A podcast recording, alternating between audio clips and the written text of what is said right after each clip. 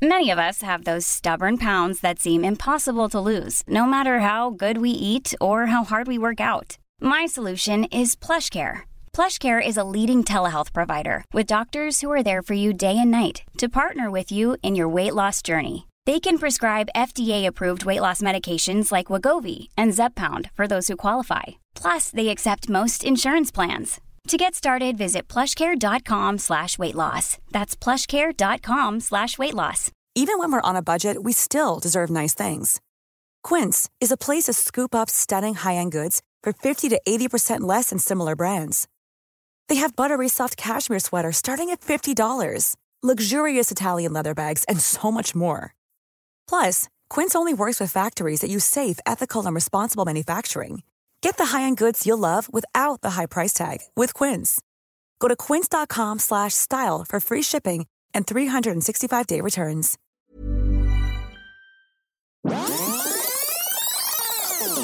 Jag skulle vilja göra ett nytt Godzilla-avsnitt. Jag tycker inte att det förra var så bra. Men vi, jag känner med alla de här första, jag satt och tänkte på Sagan om ringen-avsnittet också. Ja. Så vi måste göra om alla de där. Ja, vi har blivit George Lucas för mig.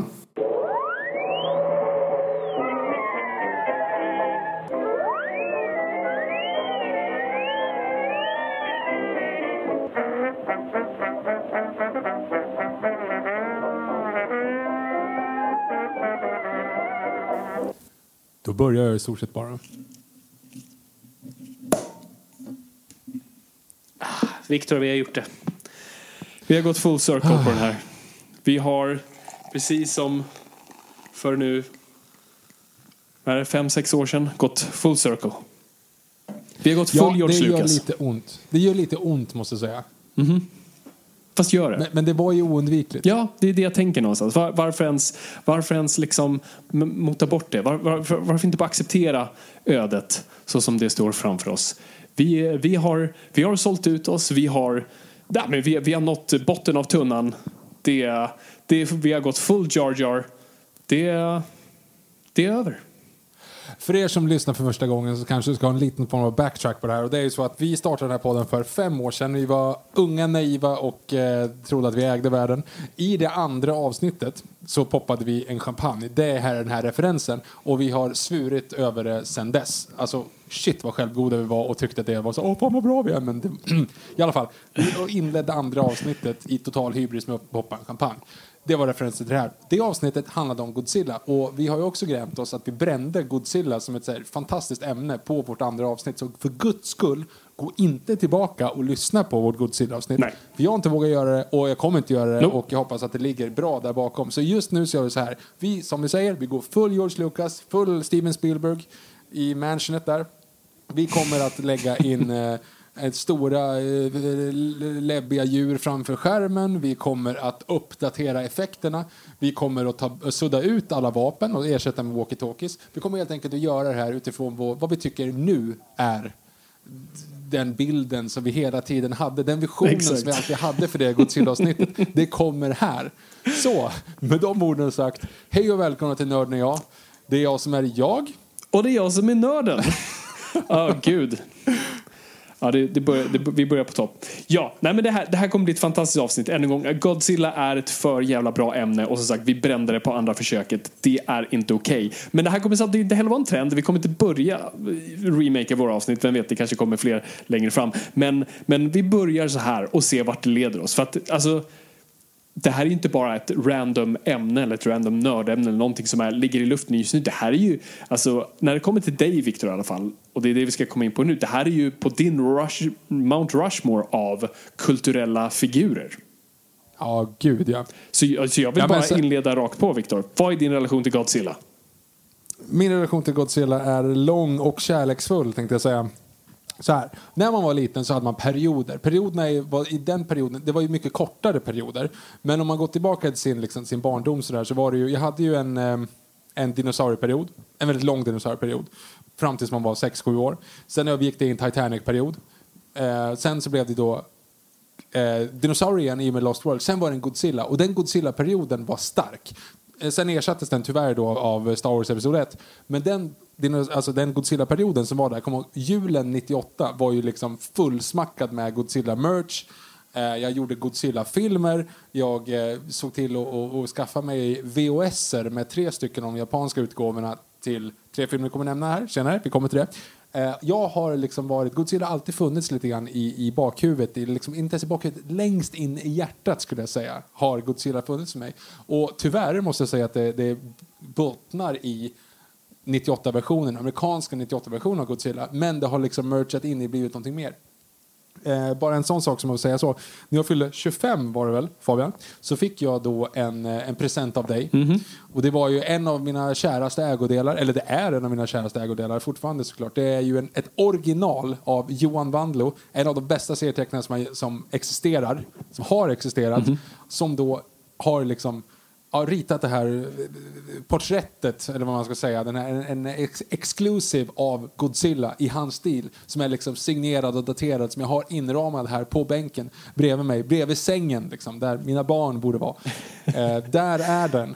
Och eh, den är otroligt fin. Mm, ni och ni, då ni bara kan så se här, den det- på våra sociala medier nu. Vår avsnittsbild det här avsnittet är den.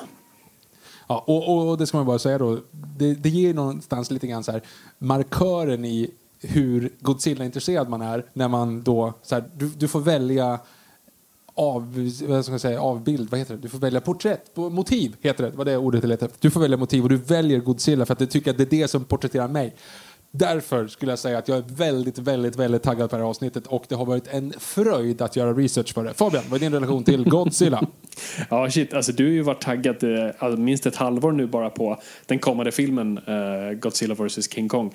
Så att... eh, Ska jag kunna säga att det är kanske därför vi gör det här avsnittet Ja, också. absolut. Det här kommer så verkligen- kommer ju Godzilla vs. Kong. Exakt.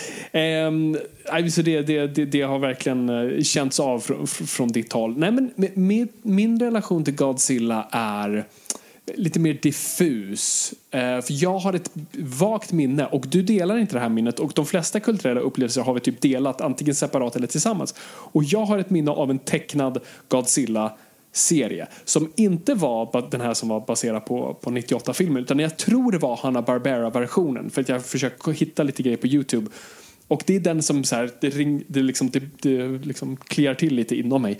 Eh, och jag tror det var den, men jag vet inte fan vart den gick någonstans, jag vet inte fan hur länge den gick. Men det var, om det är den version, det, det jag minns det som är den här versionen där de trycker på en knapp och så kommer Godzilla upp ur vattnet och, och hjälper dem. Och jag tror det är den då versionen då de även har Godzuki som är Godzillas efterblivna eh, brorsson. Så eh, det är intressant. Ehm, så, så den hade jag ett minne av och tyckte jag var ascool. Och sen hade jag inte så, liksom var, tänkte så mycket på Godzilla under min uppväxt. Jag kommer ihåg det, många hade den här, hade du den här leksaken Victor? Som var, den såg ut som den japanska Godzillan.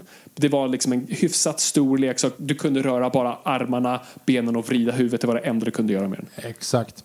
Ja, gud ja. Och, och eh, den, av någon anledning, det måste varit någon så här restlager Mm. som fanns på alla stor eliten i hela Sverige. För det känns som att alla hade den. Exakt. Och den var svart och grönmålad på ryggen eller rödmålad på ryggen. Ja, för det det. olika versioner. Men det är ju samma grej, bara att de har olika färgkoder. Men typ alla jag kände under en period hade ju den stående i hyllan. Det måste varit så här Exakt. 29 spänn på typ stor och liten. Ja, men så att verkligen. allas farmödrar hade köpt den. Alla hade den. Jag hade inte den, men, men man var hemma hos någon precis. På något barnklass, någon hade den. Eh, så, så den minns jag att den tyckte jag var cool. Och sen eh, var det ju, tror jag, sen kom 98-versionen och jag blev helt besatt. För jag kommer ihåg, alltså den posten var hur jävla cool som helst. Alltså med bara benet och ja, det är ju bara bild på benet och Godzilla. Och jag, jag, jag kunde knappt, alltså jag, jag, jag kunde knappt greppa hur jävla coolt det var. Så det blev ju Godzilla Crazy det året. Jag vill ha alla leksaker. Jag har, jag har ett starkt minne av att jag sitter hos min farfar. Min farfar var en väldigt konservativ man. Han hade alltid three-piece suit, eh, käpp, alltså, och han var en kristen man. Han tog mig till gosskören. Han var väldigt liksom, och han, han målade och ja men du vet, alltså den, den riktiga konservativa alfahanen. Och jag har ett minne hur jag sitter och försöker förklara vad Godzilla är för honom. Eh, och eh, hur han långsamt dör inombords och säger det här är min avkomma. Eh, det, det, jag, det, var- för det var, jag var besatt av så här, okej, så Godzilla här, han har en fot och hans fot, här så, du har foten och sen kommer molnen så han är större än molnen. Det var det som var helt sjukt. Så jag vill ju såklart ha en Godzilla-leksak den julen och det kommer jag ihåg att jag fick. Som var typ, ja men var- den var väl säkert då 20-30 centimeter hög bara. Och du kunde trycka på ryggen och så lät den. Det var, det var i stort sett det, det den var. Och sen kom jag ihåg, det, sen blev det inte så mycket Godzilla förrän jag träffade dig och du just hade de där VHS-erna på de japanska filmerna. Och vi såg ett par av dem. Eh, Men det var så långt ifrån. Jag var inte uppvuxen med det på samma sätt. Så jag tycker mest det var weird. Jag har bara det här minnet av det, män som blir apor. Eller när de dör så förvandlas de till apor. Eh, Det har jag, Oh ja, yeah. Mecha, Mecha Godzilla.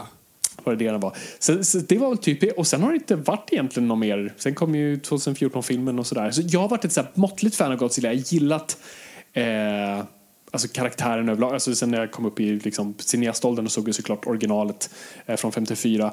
Och eh, jag har bara gillat myten kring Godzilla och känslan kring Godzilla, designen av Godzilla. Jag, jag gillar idén av Godzilla. Jag har väl bara aldrig varit det här superfan så som du är. Men, men Victor, jag, jag låter dig take it away. V Vart är vi på väg? Det man ska komma ihåg, som Fabian brukar säga, det är ju att Godzilla är ju inte bara your average movie monster. Och det är det som är liksom själva charmen. Tyvärr så har han behandlats, eller hämnd, jag vet inte, det finns väl inget riktigt kön på honom förutom i amerikanska versionen då som det faktiskt finns. Att de säger att det är en It's a strange dude eller något sånt där. He's pregnant.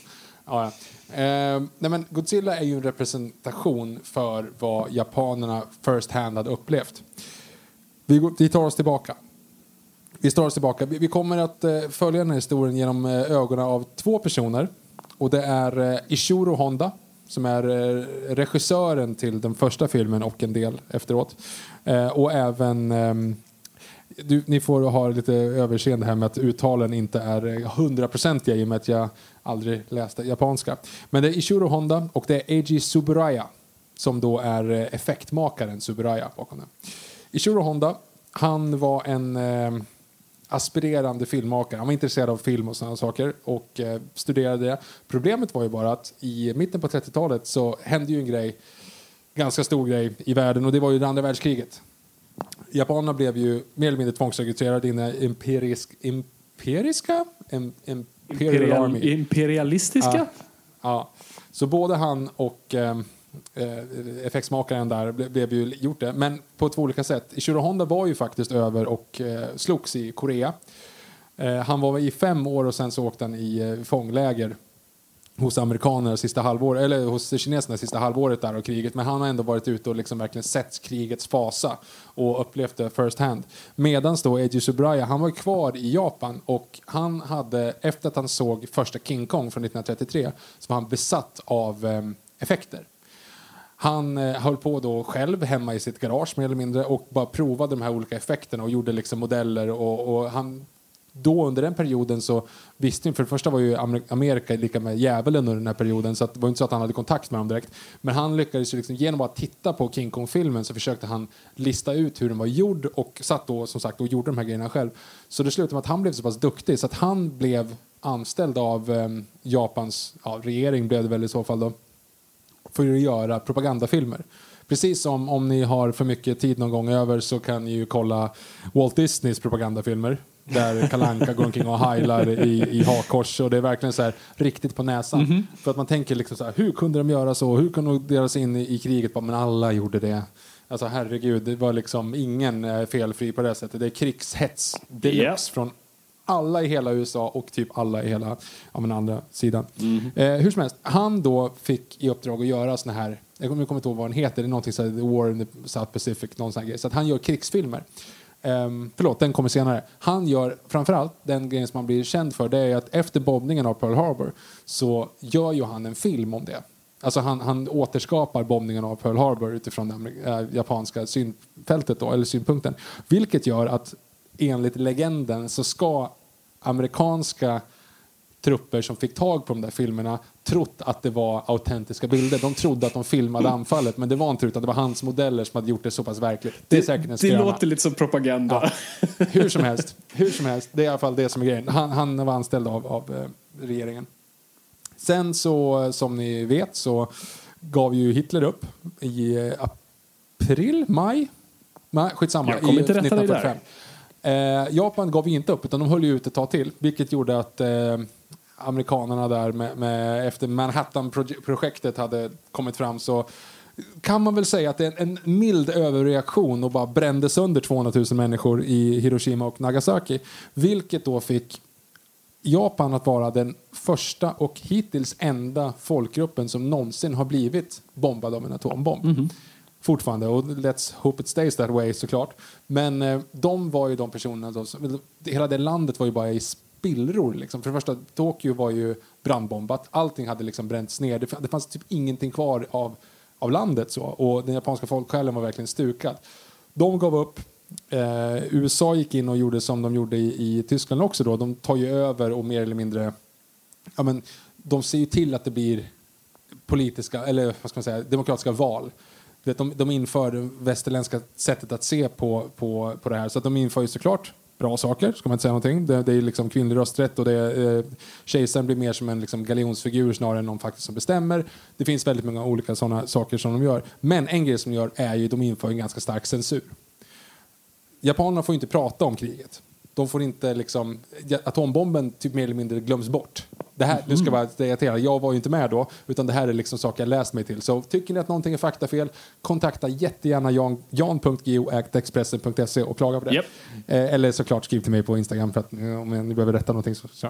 Det, här, är- det här är taget lite grann ur, ur en form av så här, eh, allmän, allmänt medvetande ur mig. Den här Så att, podcasten eh, heter Nörden och jag. Jag tror folk förhoppningsvis förlåter oss för att vi inte är korrekta när det kommer till Ja, politisk hur som historia. helst.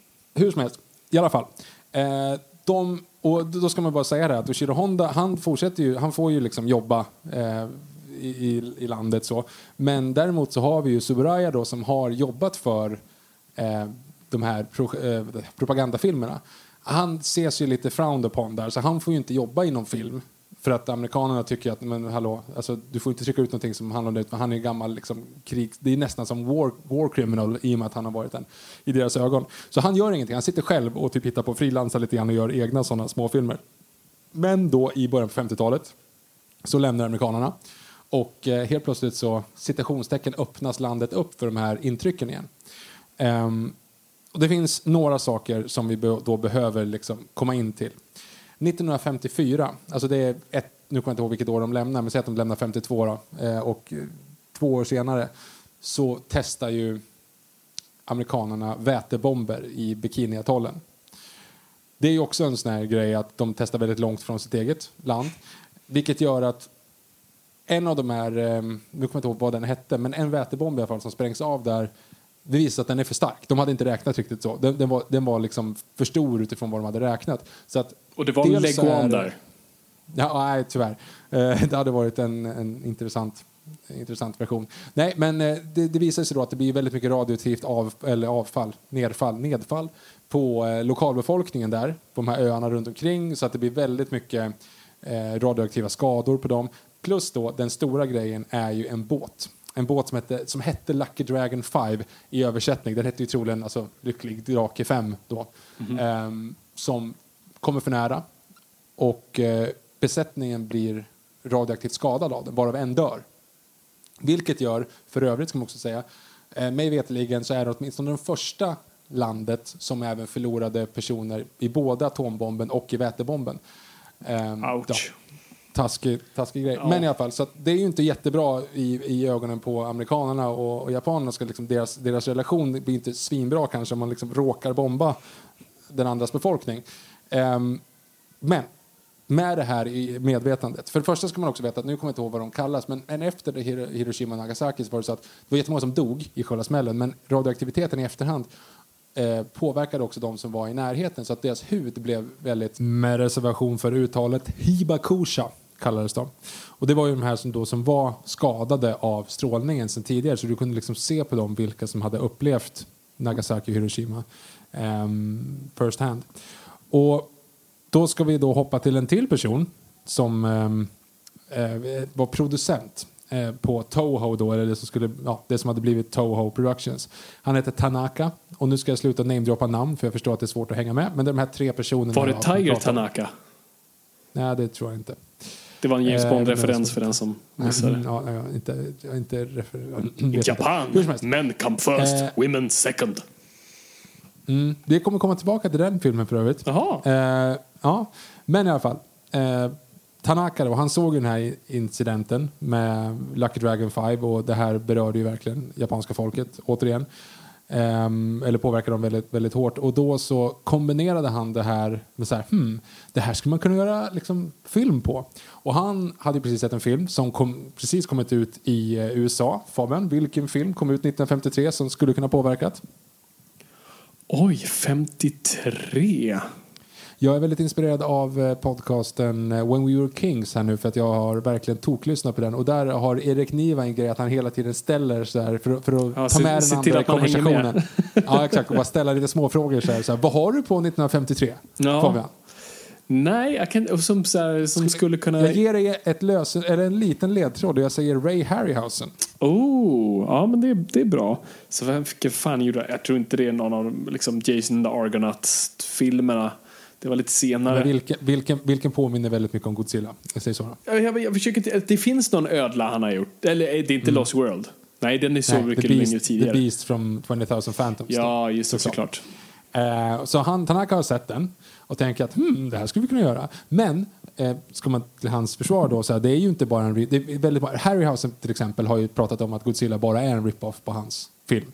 Eh, och, och är väldigt butter över det fortfarande, tänkte jag säga, men han lever inte längre. Men hur som helst, de har ju varit det liksom, så under perioder. Men, eh, men det stora är i alla fall att han vill liksom prata om, om folksjälen, prata om skräcken för radioaktivitet och då dessutom vätebomben som nu är det nya. Liksom. Så att eh, han kombinerar de här två, kommer tillbaka till Toho och helt enkelt säger att han bara så här, nej men eh, jag har en filmidé. Så han tar in eh, manusförfattare och de skriver ihop det väldigt snabbt. De skriver ihop det på tre veckor om jag inte minns helt fel.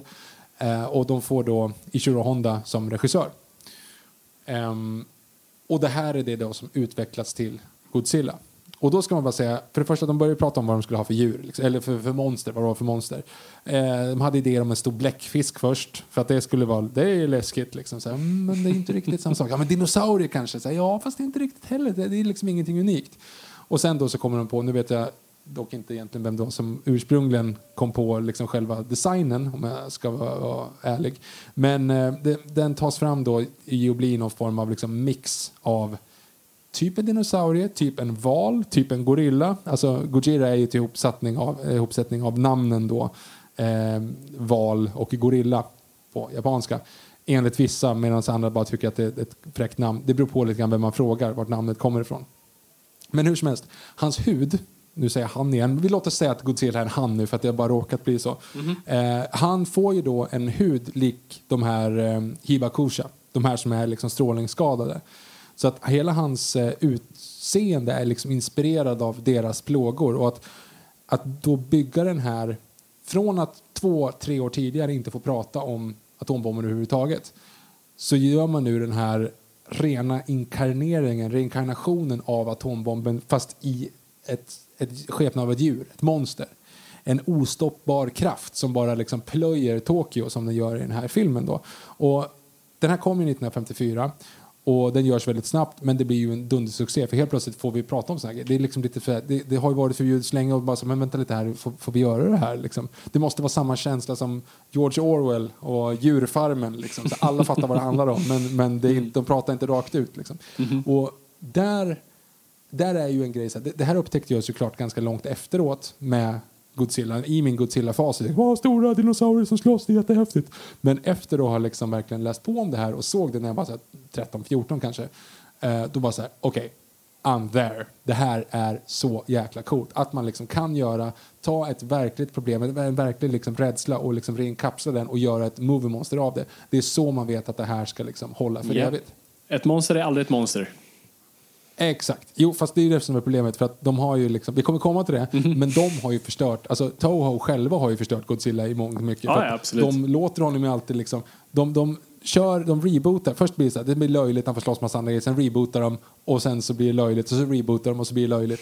Så att de, de gör ju det hela tiden själva. Eh, men om man nu skulle ha den här bilden, Fabian, du har ju sett den här Godzilla, vad tycker du om den?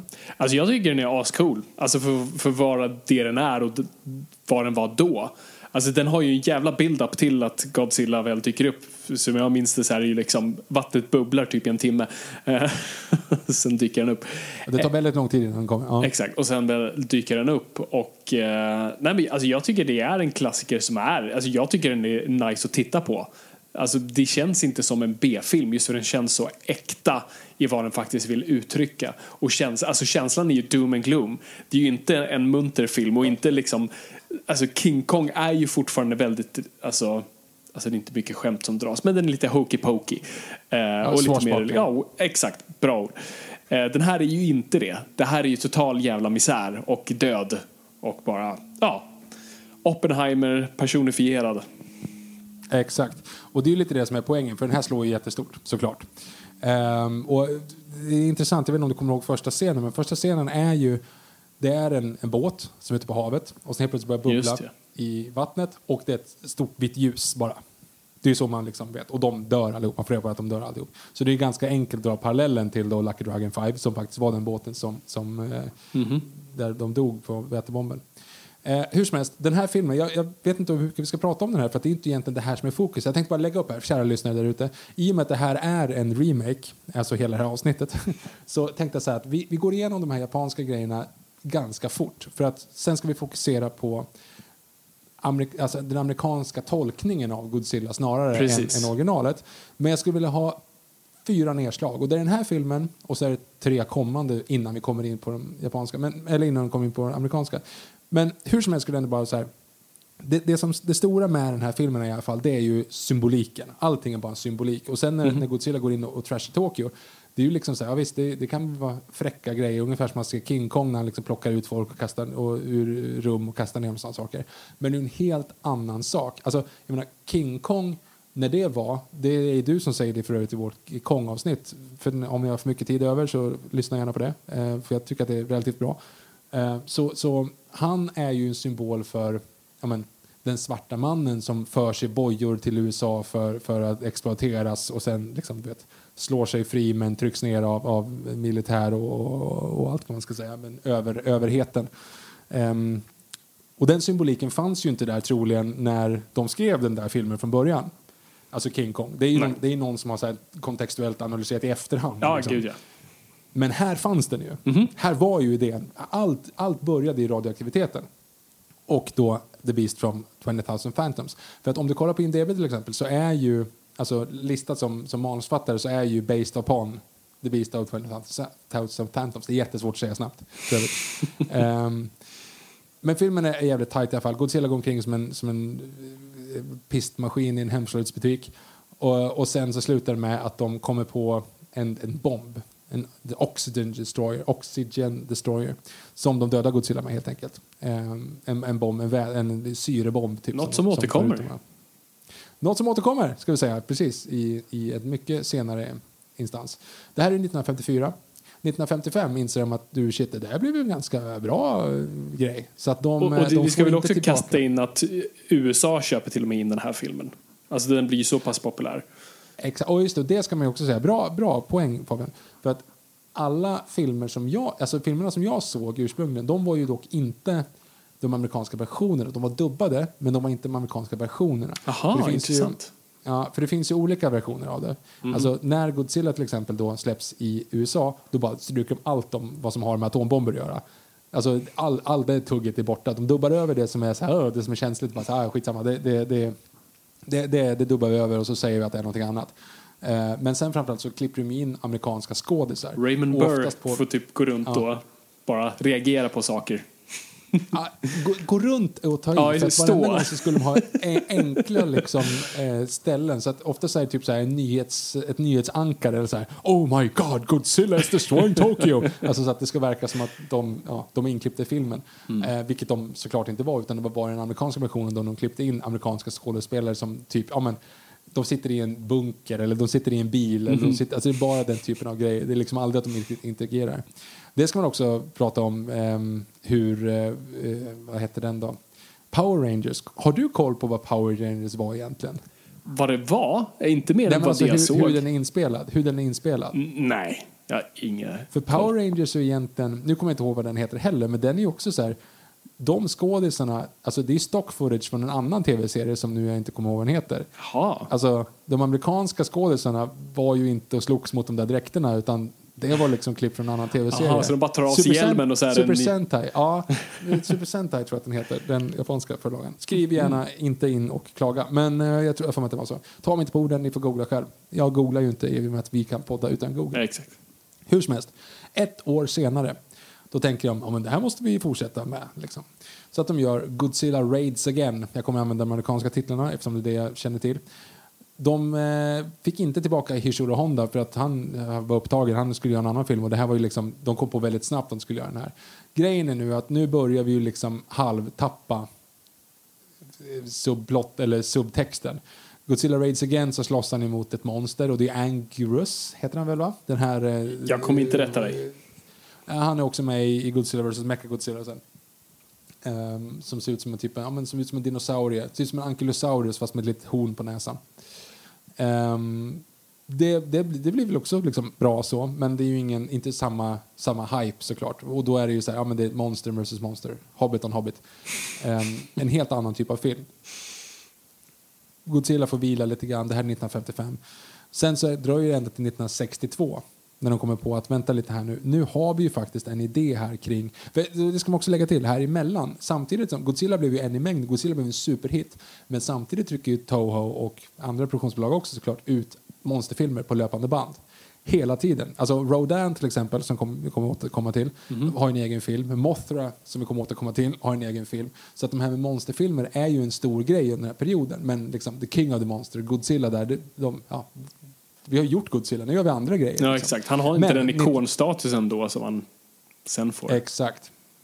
Men 1962 så kommer ju då en sån här en stor grej och då är det ju när man ska knyta ihop det där mot eh, jag vill säga att det är symbolik men det är inte det för Godzilla vs King Kong är ingen bra film och framförallt så är alltså King Kongs kostymen är hemsk. Jag vet inte om du kommer ihåg hur den ser ut? Ja, jag har bilderna i mitt huvud. Det, det, ja, King Kong ser inte riktigt ut som King Kong i den. Det är det jag minns. Mm. Och då, du har fighting-scenen, kör in trädet i munnen på. Nej, jag Godzilla tar ett träd. Eller King Kong kör ett träd och trycker upp Godzillas ansikte. Eller Godzillas mun. Men Ishiro Honda är tillbaka i alla fall. Så han regisserar den här, men det är ju bara du vet, eh, alltså monster mot ett monster. Eh, två år senare kommer Mothra vs Godzilla. Det vill säga att man är inte ens säker på att det där var liksom en... Alltså, nu är vi tillbaka, för Mothra har ju varit sin egen. Så att nu tar de två, första gången de faktiskt bygger ett universum. Och här ska man då ta in det. Vi håller på att prata nu om att tycker att Legendary är någon form av så här, fan, ni vill ju bara vara Marvel. Ni försöker göra ett cinematic universe. Liksom, ej, Toho var först. Alltså Godzilla vs Mothra, det, måste, det är ju första, det är ju, det är ju liksom, det är inte endgame, men det är ju åtminstone Ja, Skywalker, absolut. lite Obi-Wan Kenobi för liksom 60-talets kaiju-era. Det Liksom. var den japanska Universal Monsters-versionen i stort sett. Exakt. Eh, Subraya är ju också som gör effekterna för övrigt i alla de här filmerna. Eh, och sen året, eller samma år till och med förresten, här, 1964 kommer också en av de liksom Mount Rushmore Godzilla-skurkarna. Det är ju King Ghidorah, the three-headed, the three-headed monster. Som är den här stora eh, draken med tre, gulddraken med tre huvuden. Och sen så blir ju det här, ska man säga, det blir ju en jättehit. De här filmerna är ju superhittar i, US, eller i Japan och i, och i USA.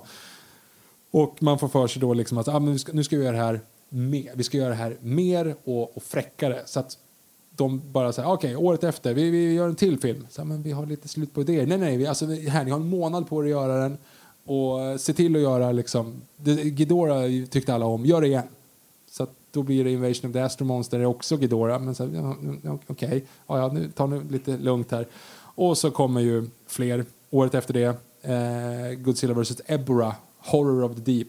För övrigt, nu börjar vi tappa lite grann i kvalitet. Nu blir det riktiga B-filmer. För nu är det bara så här, okej, vi använder samma kostym hela tiden. Man ser, liksom, man ser hur Godzilla-kostymen literally går sönder. Liksom i- gaffatejpar svansen. Och... Ja, men typ.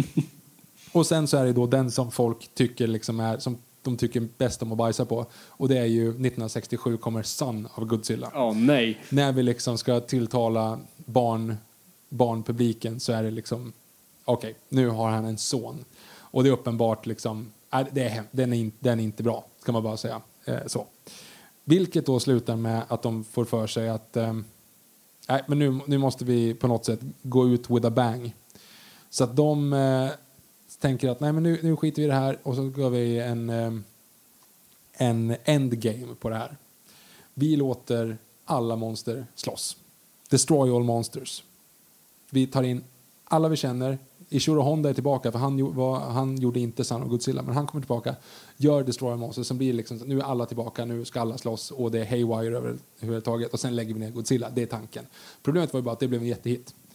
Så då kan vi inte lägga ner det. Så året efter gör de en till, eh, som heter då All Monsters Attack. Dock ska man bara lägga in att den har ingenting med det att göra, utan nu är det som att det är första gången man faktiskt har en...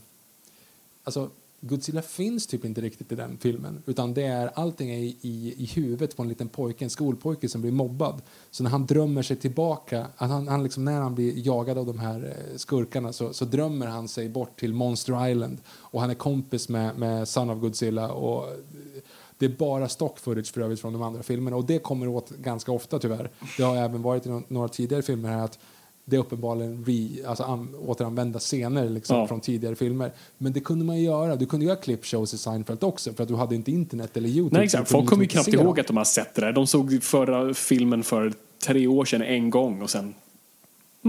Exakt. Så nu i alla fall, jag förstår kära lyssnare att det här har gått fort och att ni inte hänger med.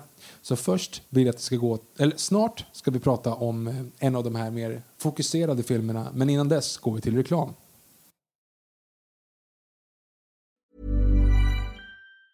Mom deserves the best, and there's no better place to shop for Mother's Day than Whole Foods Market. They're your destination for unbeatable savings, from premium gifts to show-stopping flowers and irresistible desserts. Start by saving 33% with Prime on all body care and candles. Then get a 15-stem bunch of tulips for just $9.99 each with Prime. Round out Mom's menu with festive rosé, irresistible berry chantilly cake, and more special treats. Come celebrate Mother's Day at Whole Foods Market. Mother's Day is around the corner. Find the perfect gift for the mom in your life with a stunning piece of jewelry from Blue Nile. From timeless pearls to dazzling gemstones, Blue Nile has something she'll adore. Need it fast? Most items can ship overnight. Plus, enjoy guaranteed free shipping and returns. Don't miss our special Mother's Day deals. Save big on the season's most beautiful trends. For a limited time, get up to 50% off by going to BlueNile.com.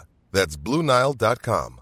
Imagine the softest sheets you've ever felt. Now imagine them getting even softer over time. That's what you'll feel with Bowl and Branch's organic cotton sheets. In a recent customer survey, 96% replied that Bowl and Branch sheets get softer with every wash. Start getting your best night's sleep in these sheets that get softer and softer for years to come. Try their sheets with a 30-night guarantee. Plus, get 15% off your first order at bowlandbranch.com. Code BUTTERY. Exclusions apply. See site for details.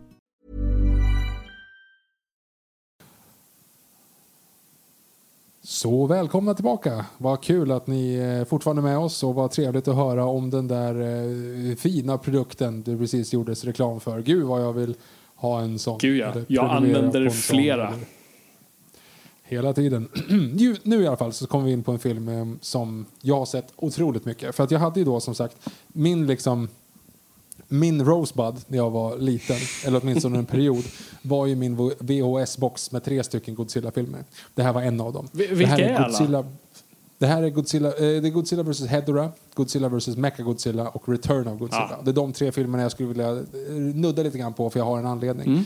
Mm. Eh, Godzilla vs. Hedorah i alla fall. Det är första filmen på ett tag nu som eh, Ishiro Honda inte regisserar.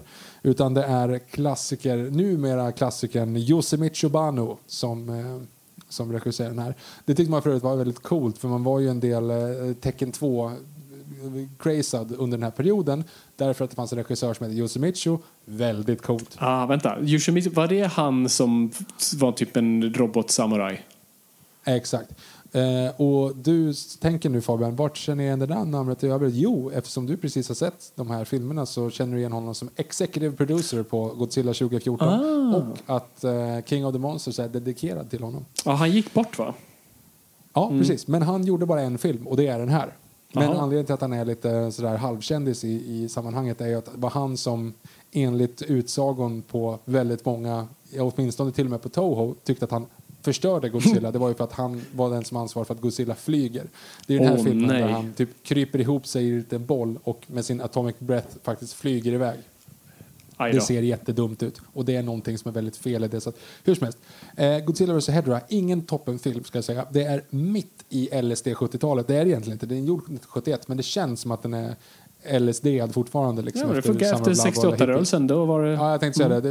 Det var faktiskt inte 70-talet, utan det var ju 60-talet. Men hur som helst, den är väldigt freaky. Det finns en del, liksom, det är lite the walligt. Alltså det finns några tecknade sekvenser där och, helt plötsligt. Och det, det är väldigt mycket, väldigt mycket budskap. Och det finns en scen när de andas in och rök. För att Hedorah är då ett... Alltså det man, ska, det man ska göra nu. Alla andra monster hittills som man har slagits mot har varit typ så här aliens. Allt är bara aliens. Alltså typ. Eller om de har det finns ingen liksom bra förklaring. Utan de har bara så här tjohornat in. Vad gör det här monstret här? "Eh, mm, I know. Alltså, det, det, jo, det finns ah, människor under vattnet, typ i At- Atlantier. Och de har ett monster. Och nu eftersom vi dumpar så mycket skräp i vattnet så skickar de sitt monster på oss. Åh, nej. Och sen så, men sen i nästa film då så är det typ så här, ja just det, förresten, det, det finns ett, några aliens och de har kompisar med de här atlantmänniskorna så att de skickar två monster nu mot Godzilla för då kan man använda stock footage från förra filmen. Det är sann historia för övrigt. Men i fall, nu så är det då ett monster som heter Hedorah som mer eller mindre är en stor sophög. Ja, det är en stor slimehög typ bara. Den här kommer jag ihåg. Just det. Ja, gud, den, är, den är relativt obehaglig film i övrigt, liksom, för den är väldigt slimig och, och äcklig. Så. Men det finns ett, ett miljö, ett, en miljögrej. Um, och den är väldigt grov. Tidigare filmer har varit liksom ganska anpassade för barn. Framförallt då All Monsters Attack, som sagt, när det egentligen är... Googla det. Alltså det finns väldigt mycket weirda grejer. För han, Son of Godzilla kan krympa ner till den här pojkens size och prata med honom. Så här, Godzilla says that I am, have to fight for myself. Alltså, och så är det stock footage från Son of Godzilla. Det är hemskt, det är hemskt verkligen. Och det, alla i communityt hatar den, typ. Förutom de som tycker nu att det är deras liksom, som är lite fräcka. Inte för att jag på något sätt är i communityt, men det har jag förstått. Hur som helst, de känner att de behöver rebranda sig, så de eh, kommer nu med Hedra. Och det är alltså, Hedra kan flyga och skickar ut en gas så att folk bara dör och blir skelett direkt. Alltså, och det är barn och kvinnor och det är katter och hundar. Alla dör. Alltså, annars brukar man alltid liksom rädda hunden. Bara, nope, inte den här. Här liksom ryker alla. Och det är ju någon form av liksom så här toxic version av allt det här. Då, för att han, han, eh, det finns en, en tanke bakom hur vi som människor i, i och med miljöförstörelsen liksom frowned upon ourselves.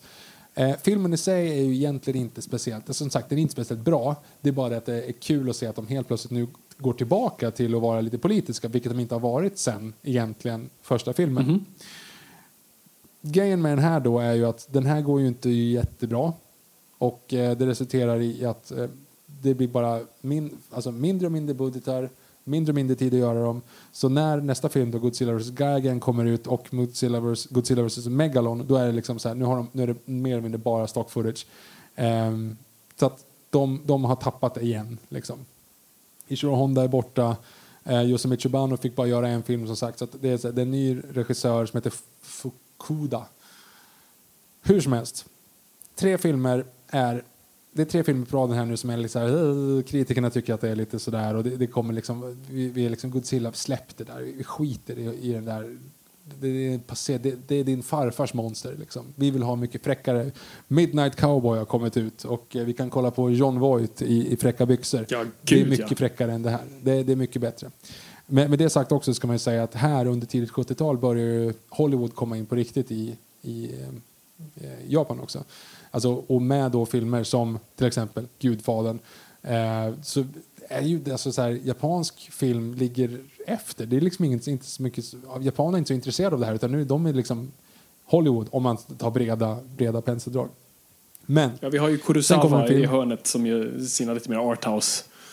Ja, gud men, ja, självklart. Men jag menar om jag tänker stora Ja, ja, stora Hollywood, blockbusters, precis. blockbusterversionerna så är det Hollywood som konkurrerar ut det. För övrigt, visst är det så om jag inte minns mig helt fel att det är Toho som gör Sju samurajer och att den kommer ut 1954. Det kan stämma. Jag vet ju att alltså, de, det är ju mycket overlapping mellan liksom, Toho, personerna och Kurosawa och de, de gör mycket grejer typ tillsammans. Så att det finns ändå mycket overlapping där. Ett bra år i alla fall att de får ut första Godzilla och Sju samurajer samma år. Det är ett bra år. Hur som helst, nu ska vi börja prata om en film till och det är Godzilla vs. Mecha-Godzilla. Och i den här filmen, det här är också en av de som jag hade på VHS. Och jag kommer ihåg att man såg den första gången så tänkte man, för Godzilla har ju varit en, en han är en barnkaraktär nu. Han är också redesignad ganska ofta så att han har liksom stora runda ögon. Så, han ser ut som en seriefigur liksom. Han är inte läskig på något sätt utan han, är- han är mer, han är, ja, men han är en maskot snarare. Han är Musse Pigg för Toho och för japansk film. Och i den här filmen nu så inleder man med att Godzilla kommer in och träffar Angerus igen då, alltså den, den djuret som han slogs med i andra filmen, men sen har han varit kompis med honom efter det. De träffas och Godzilla går och slåss mot Angerus. Man fattar ingenting. Och man säger, men vad, vad, vad, jag tror ni var kompisar. Ja, ja, de har rebootat eller vad är det som händer liksom? Och han kör den här King Kong-greppet. Han tar tag i Anguirus i käkarna och drar dem isär och bara sprutar blod. Man måste, vad, är det som, vad är det som händer? Vad, vad, vad, det- här var ju en barnfilm. Vad, vad gör ni liksom? Men Anguirus lyckas skada honom lite grann. Och man ser att det är en liten eh, plåt, någonting som skiner under, alltså när, i det här såret så skiner någonting plåtaktigt under såret. Man tänker, hmm, vad är det här för någonting? Sen går Godzilla ut och spöar en stad. Man bara, what? Alla, för det är väldigt mycket, det ska man också komma ihåg, som du brukar säga, att alla Godzilla-filmer är typ 10 minuter monster och 90 minuter ja, i den här versionen dåligt dubbade japanska skådisar som bara liksom pratar om Ja, det är väl bara liksom, generaler gibberish. i rum och alltså Ja, personer mycket i... vetenskapsmän. Mycket vetenskapsmän och aliens. Liksom. Mm. Så att det, det är sådana saker. Och i den här är ingen, ingen eh, annan sån. Utan det är aliens som kommer ner på jorden och apornas planet är ju ganska poppis vid den här perioden. Så att det är ju aliens då som egentligen är apor och så fort de skadas eller dör så blir de apor. Jättekonstigt. Deras sanna form blir, kommer tillbaka och blir apor. För övrigt en sjukt obehaglig grej som jag tyckte när jag var yngre och såg den här. Men, eh, men det är i alla fall storyn bakom att de kommer ner från, från, eh, från andra planeter, eh, en annan planet. Men hur som helst, det är en grej. De är här någonstans, men Godzilla har blivit weird. Godzilla är ute och, liksom och, och förstör. Och alla säger bara, men Godzilla har ju är ju snäll. Han, bevar, han skyddar ju oss. Liksom. Vad är det som har hänt? Och sen när han är mitt uppe i att förstöra en, en stad, en oljeraffineri, riktigt snyggt, alltså modelljobbet i den här filmen är fantastiskt. Mm. Men, helt plötsligt, ur vattnet, kommer en till Godzilla. Och man tänker, what? what, what? Vad, är det som, vad är som händer? Så Godzilla versus Godzilla, det är Hobbit och en Hobbit. De Igen? slåss och, ja, och de, de slåss och när liksom Godzilla kör sin atomic breath på den andra då så visar det sig att under skinnet på den här Godzilla som varit ute och varit eh, taskig är det stål. Det är en mecha-Godzilla.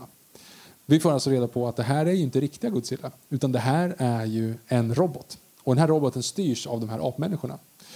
Så att helt plötsligt visar det sig att, oh oh, vänta lite här nu, den här har massa missiler.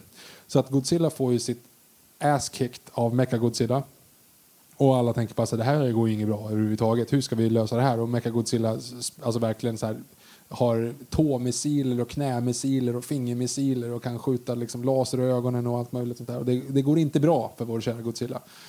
Men det visar sig att det finns någon... Eh, kommer du ihåg den här filmen? Den här har ju vi sett. Kommer du ihåg King Caesar? Det här lejonet som de väcker för att Ja, slåss just, mot just det. Och, Mm. Ja, Det är en typ en fem minuter lång sång eh, där de bara sjunger om att, att de ska väcka Caesar och att han ska vara med och slåss. Eh, väldigt, ja, ingen, ingen höjdarscen. Men den är, låten fastnar på hjärnan ganska rejält om man ser om den. Hur som helst i alla fall, Caesar växer upp, hjälper Godzilla och spöar Mecha-Godzilla och det slutar med att han gör en, en liksom finish him och vrider huvudet av honom. Och det här blev ju en, en hyfsad succé ändå, för det här är helt plötsligt någonting nytt. Nu är vi tillbaka igen. Liksom. Så året efter såklart så tänker jag så här, hmm, hur ska vi göra nu för att spinna på den här versionen? Jo, de gör Mecha-Godzilla igen. Så tvåa efteråt, efter Godzilla vs. Mechagodzilla så kommer Terror of Mechagodzilla. Och de har tagit ner budgeten och det är typ samma skit igen. Och de bara så ah. Och det visar sig att nej, världen är inte redo för Godzilla. Vi skiter i det här. Vi lägger det här i en liten eh, påse och bara försvinner. Godzilla glöms bort. En eh, match that shouldn't be lost was forgotten. And whispers of a nameless fear. Hur som helst, 1984 vill jag göra ett litet nedslag. Godzilla har varit borta i nio år. Men någonting händer här nu. Toho vaknar upp och tänker att vänta lite här nu. Vi har ju en ganska schysst rättighet som ändå heter Godzilla. Vi ska bara lägga till att samtidigt i USA så, så har ju amerikanska studier köpt rättigheter hela tiden och vill göra liksom amerikanska remakes men det, det, det blir aldrig någonting. Men Toho vaknar i alla fall och tänker att hmm, 1984, nu har vi liksom, nu har vi vi kör igen, nu åker vi liksom. Så de gör ju då The Return of Godzilla. Helt plötsligt har man då, de har gjort en, en full, eh, eh, vad heter, vad heter Superman Returns. De, det här är en uppföljare på första Ah, Godzilla. ja, ja. De bara stryker allt. Nästan lite Så som det- alltså, de här nya Halloween-filmerna. Så bara, nope, det var bara första... Ja, just det. Det, det var bara första som gills. Mm. Så nu är det då Return of Godzilla. Och nu är vi ju på liksom, det är tio års utveckling i effekterna. Nu börjar vi prata radioaktivitet igen. Vi börjar prata om, om hur en ond Godzilla går omkring som en force och bara fuckar upp städer. Så vi tar bort allt det här. De möter inga andra monster, det ingenting sånt. Utan det är bara det är Godzilla mot militären. Återigen. Liksom. Så nu är vi tillbaka back to form. Vilket gör att den här filmen den här är sjukt obehaglig för övrigt. För att första, liksom, första delen av den så är är som ett, några forskare som letar efter det är en massa radioaktivitet och sådana saker. Det visar sig att typ kvalster som finns på Godzilla har typ också blivit stora eller vad de nu är. Så, att det är så här, de slåss mot typ så här kvalster stora som hundar och det är ganska obehagliga scener. Det är så här, typ stora så här, gråsuggor. Den scenen tycker jag var skitäcklig som barn. Men den här också märks att det här är ju liksom, de, de tänkte ju inte franchise riktigt här för att de dödar Godzilla på slutet. Alltså de, de, det är liksom, ja men du vet det är en sån grej igen. Det är, liksom, det är som en remake på den från 1954. Och det ska man också säga, det här är ju då 30 år efter Ja, just det. Det är på filmen. året verkligen. Så det är 30-årsjubileum. Ja, precis. Och det är 30-årsjubileum dessutom. Så det blir ju som att de gör en remake på första filmen och en hyllning till Ja, första filmen. Det bara skiter i de här weirda grejerna på 70-talet, 70 och 60-talet där, där eh, man hade liksom någonting annat. Godzilla ser jävligt cool ut i den här för övrigt. För att nu är det tillbaka till den här liksom, den, den onda bilden av, av, eh, av Godzilla. Men det blir ju så också. Det tar visserligen fem år den här gången, men sen börjar ju alla remakes komma. För då kommer ju Godzilla vs Biolante och Godzilla vs King Ghidorah igen. Så att man liksom rebootar King Ghidorah. Men är, är de här i, samma i, en egen kontinuitet då? Ja, men de säger, alltså det klassas ju som, liksom, som en egen era. Ja, för det är Men- det. Godzilla-filmer är ju typ uppdelade i olika typ eror. Ja, Som, exakt. som här fansen är- mer har placerat in inte egendefinierade utan... Nej, nej, precis. Det här är den innan Millennium Era som jag inte kommer ihåg vad den är. Men den- sträcker sig, det är de här tio åren då, mellan 84 och 95 egentligen. Mm. Men, men eh, mellan 89 och 95 ska man väl inte säga som är de här, då tar de ut en, en, en varje år. Och det är, det är Godzilla vs. Biolante, Godzilla vs. King Ghidorah, Godzilla vs. Mothra, Godzilla vs. Mecha Godzilla 2, vilket är lite weird för att helt plötsligt blir det då en tvåa fast ändå inte för det är samma. Ja, det är ändå en remake. Och sen Godzilla vs. Space Godzilla som jag tror att du har sett med de stora typ så här nackknogarna. Eh, Nej, det vet inte om jag... med så stora så här, taggar. Det fanns, för här, nu kommer vi in, och sen så sista då ska jag bara säga Godzilla vs. Desodroya då som är eh, den sista i den här eran liksom. Och då har vi ju en grej att Godzilla är överladdad. Som också kommer komma tillbaka i en, i en populär film nu som kommit ut nyligen. att eh, radioaktiviteten har liksom spårat så pass att han typ brinner. Alltså han är, han är liksom så pass att han är på väg att explodera. Och man vet att han, han har typ blivit överladdad så att hans hjärta kommer att explodera i sinom tid. Och hela filmen går ut på att alla ska bara flytta sig från honom för han går omkring och är liksom en tickande bomb, literally. Eh, plus då att det här monstret Desodroya går omkring och eh, rampagear stan. Hur som helst, de här filmerna är liksom, det här är ju de som på något sätt var under vår uppväxt. Alltså det var de här som genererade leksakerna som man kommer ihåg. Just ja. Eftersom ni som har varit länge i den här podden vet att vi är väldigt fokuserade på leksaker Mm. av någon anledning. Eh, kommer du ihåg de här Godzilla-huvudena? Alltså det var som ett huvud, man kunde fälla upp huvudet och så var det som en miniscen. Ah, nej, Alltså, inte just det. Det var, gjorde var ju populärt så. Jag hade ju Batman Forever-versionen av det där. Ja, men exakt. Och Star Wars upp Val också sånt Kilmer? att det var en... Ja. men det var, det var en weird grej, för det var ungefär som att man skulle kunna ställa den på hyllan, men så, så fäller man ut den och så kunde man vara som ett litet lekscenario i den. Ja, nej, jag gillade Eh. aldrig det där. Alltså en leksak måste vara liksom, var vad du är, inte, liksom, inte två saker. Du måste liksom bestämma dig, för guds skull. Ja, kul. Det är som en, det är som en bäddsoffa. Det är en soffa som inte är skön att sitta i och en säng som inte är skön att ligga i. Men ändå ska den vara båda två. Liksom. Det här är leksakernas version av bäddsoffa. Det, hade bättre en- beskrivet kunde jag inte göra. Jag hade i alla fall en, eh, ett Godzilla-huvud från den här eran som jag tror är Godzilla vs. Destroyer då. Som är liksom, ja men Godzilla-huvud så öppnar man så här typ vatten och en stad som går sönder och sådana saker som har lite Godzilla med. Eh, väldigt ointressant anekdot. Men här i alla fall så, under den här perioden, under 90-talet, då börjar de här även gå på bio i USA. Eller de, de börjar gå upp i USA. Och USA tänker, vänta lite här nu.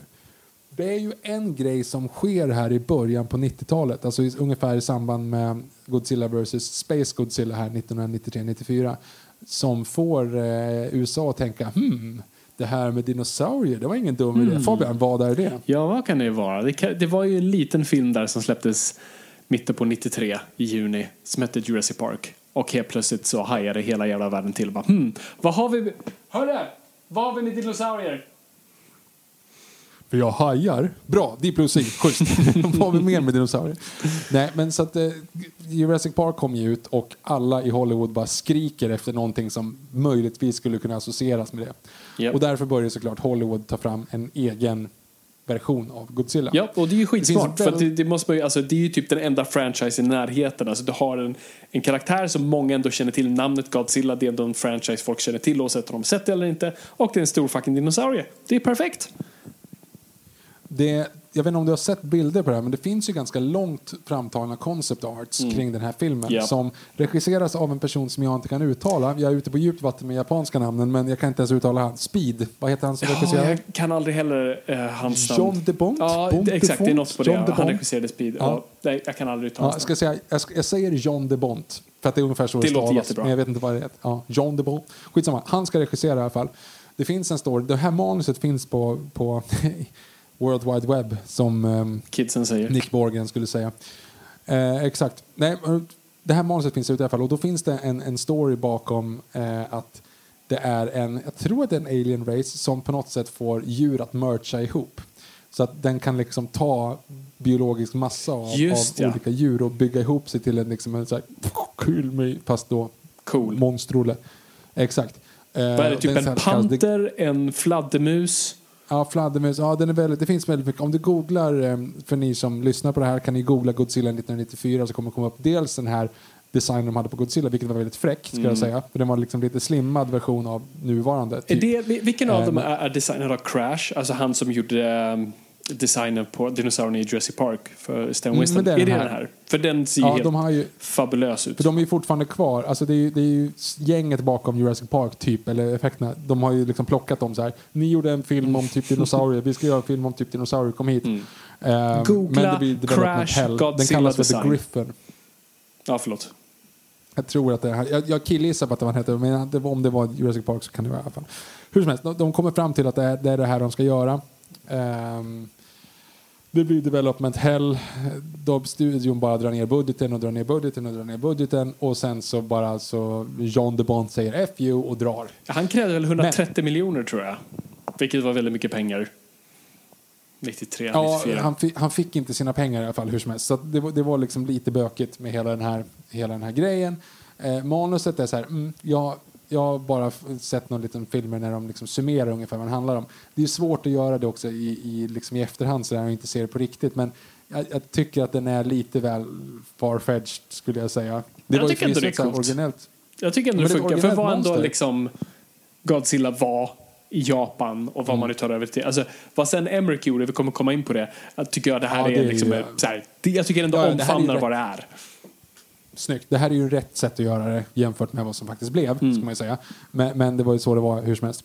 Men den läggs på is och istället så börjar de att tänka så här, "Mm, vi, vi måste fortsätta, vi måste göra det här på något sätt. Och, ja, men är det, nu är det liksom, det är, nej men Jurassic Park, det var kanske bara en lucky shot. Liksom, Spielberg skulle aldrig göra det här igen. Det kommer liksom inte, fler dinosauriefilmer kommer inte gå, åh jävlar i helvete, The Lost World slår massa rekord på bio, vi måste ta upp det här igen.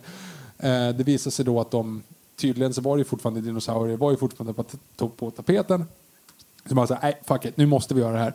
Så att de hittar då, och det ska man också säga, det är så här, egentligen rätt tänkt. Alltså Roland Emmerich, som då är fresh of eh, Independence Day. Ehm, och vad heter hans polare, han som han skrev Independence Day med? Oj, det vet jag faktiskt inte. Eh, fuck, det, det kommer jag inte ihåg nu heller. Skitsamma, han, de, de var i alla fall två stycken som, som skrev manuset till Independence Day som då får eh, idé, eller de får liksom uppdraget att skriva den en gång till. Dean Devlin heter han. Dean Devlin, Roland Emmerich. Det är de i alla fall som ska göra igen. Och det är så här, ja, men jag fattar. För att jag menar, det är ju det är den typen av film som, eh, som har gått bra. Eller vad man ja. ska säga. Alltså, Och Independence Day var en bra liksom film. Alltså, och den var snygg. Ja, Jag, men Independence- kan du inte få Spielberg, då tar du ju Emmerich då. Jo, men för vad den var så är det ju en bra film. Ja. Och eh, det, var ju Fresh Up Universal Soldier också, några år tidigare. Men det finns liksom en så här, det finns en idé bakom det. Det vill säga, okej, ja, men Independence Day slår och det är liksom lighthearted och det är roligt och Will Smith är charmig och det här är ju liksom en, en nya moderna tidens katastroffilmer. Det här kan vi göra Godzilla på.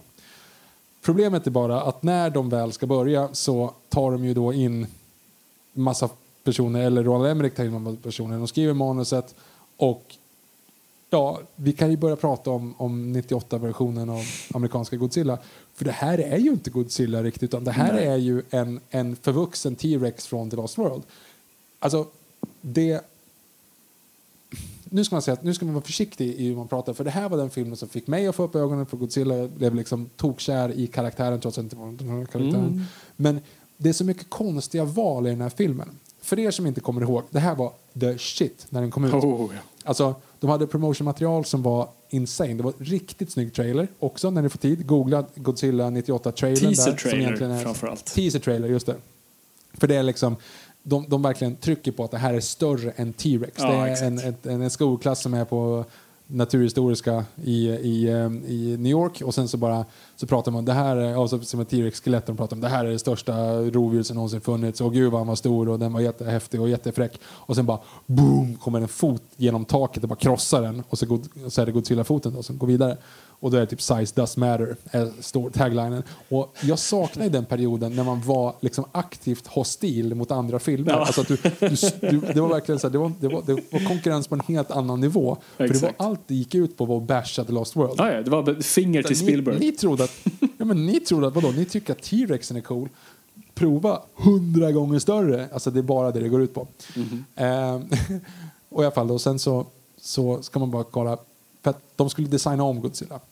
Och jag förstår vart de kommer ifrån. För menar, om du kollar på vad Godzilla var då så var det ju liksom, det var ju några Ja, men det var ändå lite sådär, ja, okej, det är lite dåligt dubbade japanska filmer och en snubbe i en gummidräkt som, som gör weird grejer.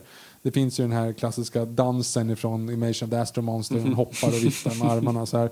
Och du har eh, He- Hebora, eller Deborah, Hebora, vad det nu hette, när han flyger och det finns ganska mycket konstiga scener liksom, som man tycker är lite weird. Och det ligger ju gärna på, på näthinnan av folk de ser det, så att de tänker att vi måste göra, vi måste göra någon på riktigt, vi måste ha ett riktigt djur. Så de gör ju då felet skulle jag säga, rätt i en helt annan aspekt. Vi kan komma in på framtiden. Påminn mig att vi ska prata framtid sen. All right. Ehm, men de gör det här, spelar den helt straight, som om att det här är ett riktigt djur. Då, han är inte en symbol för någonting längre, utan han är en leguan på något sätt som då Ja. har blivit muterad i Bikiniatollen. Precis samma story som, som 1954 Godzilla. Men det är liksom så här att det här är ett djur som ska upp och lägga ägg. Ingen så här, det finns liksom ingen karaktär utan det är liksom det här är ett djur bara. Ja. Och spelas som ett djur. Vilket är i vissa aspekter jag tycker om. Men det är helt fel för att vara den här karaktären. För det har ingenting med Godzilla att göra om man säger så. Nej. Och, men så här, Fabian, prata lite grann 98. Jag känner att jag börjar klogga igen för vi pratar casting sen. Okej. Var ska vi börja? Vilken, vilken fot ska vi stå på när vi börjar prata Godzilla? Ja. Vi säger casting. Okej, Ja, okej. börja casting. Casting. Nu ska du ha din, du ska ha din actionhjälte. Mm. Den fräckaste, liksom, en, en, cool person som, som kommer att liksom så här guida oss igenom hela den här, eh, det här äventyret. Vem castar vi? Vi har Bruce Willis, vi har Will Smith möjligtvis. Vi, vi kan ha vad är det för andra? Harrison Ford är kanske lite gammal under den här perioden. De har gjort Air Force One som är ganska fräckt. Vi skulle kunna göra någon version av det. Alltså, vi, de här actionhjältekänslan. Alltså, vi har Linda Hamilton skulle kunna ta en sån här liksom efter T2, du vet, så här, muskulös vapen. Att det, det här, vi har så många actionhjältar under 90-talet. Vem ska vi casta i den här superbudget storsatsningen från TriStar Entertainment? Vem castar vi Fabian? Vi tar den lilla mjäkiga killen från Broadway, Matthew Broderick. Han är bra på att sjunga. Vem? Jaha, han- vadå, vänta. Han som har rösten till Simba i Lejonkungen? Ja, precis. Men, han. Men han fick ju inte sjunga. Det är inte han som sjunger i den. Nej, det var ett konstigt val där. Men vi, vi, vi tror på den här snubben. Vi tror att han, han kan vara ansiktet utåt för den här franchisen. God, Godzilla med Matthew Broderick. Kan vara fantastiskt. Okej, men, men har vi några andra sidekicks då möjligtvis? Har vi någon som liksom har vi sån här, vi, vi har en, en kvinnlig karaktär som ska vara hans liksom exfru eller vad man säger, mm. ex-flickvän. Och hon ska vara en, liksom så här, en snap, snappy reporter som ska vara fräck. Och hon kommer ju liksom hålla upp det hela den här filmen. Vad, vad, vad, ska, vad har vi där? Jag, jag älskar, jag älskar. Vi, har, vi, har, vi har försökt nå Sarah Jessica Parker, men, men hon svarar inte. Så att uh, vi, vi hittade bara någon krullhårig tjej från gatan här som, som vi tänker kan vara fantastisk. Jag kommer inte ihåg vad hon heter, men hon, hon, hon ser jättebra ut. Men du, du, du refererar till Maria eh, Pittilo här. Men, men Ja, hon, har hon typ, hon var med i True Romance och Natural Born Killer där med lite biroller. Men, men hon, är hon speciellt bra skådis? Eller vadå? Vad, Ingen aning, men Sarah. Jessica Parker svarar inte på våra, med, på våra samtal. Så beats me. Okej. Vi sätter henne i den här filmen så får hon aldrig någonsin göra någonting bra ever again. Hon, får ha en, hon har en, en biro, eller hon är med i ett avsnitt av Friends. Det är typ det enda som sticker ut i hennes övriga liksom, story.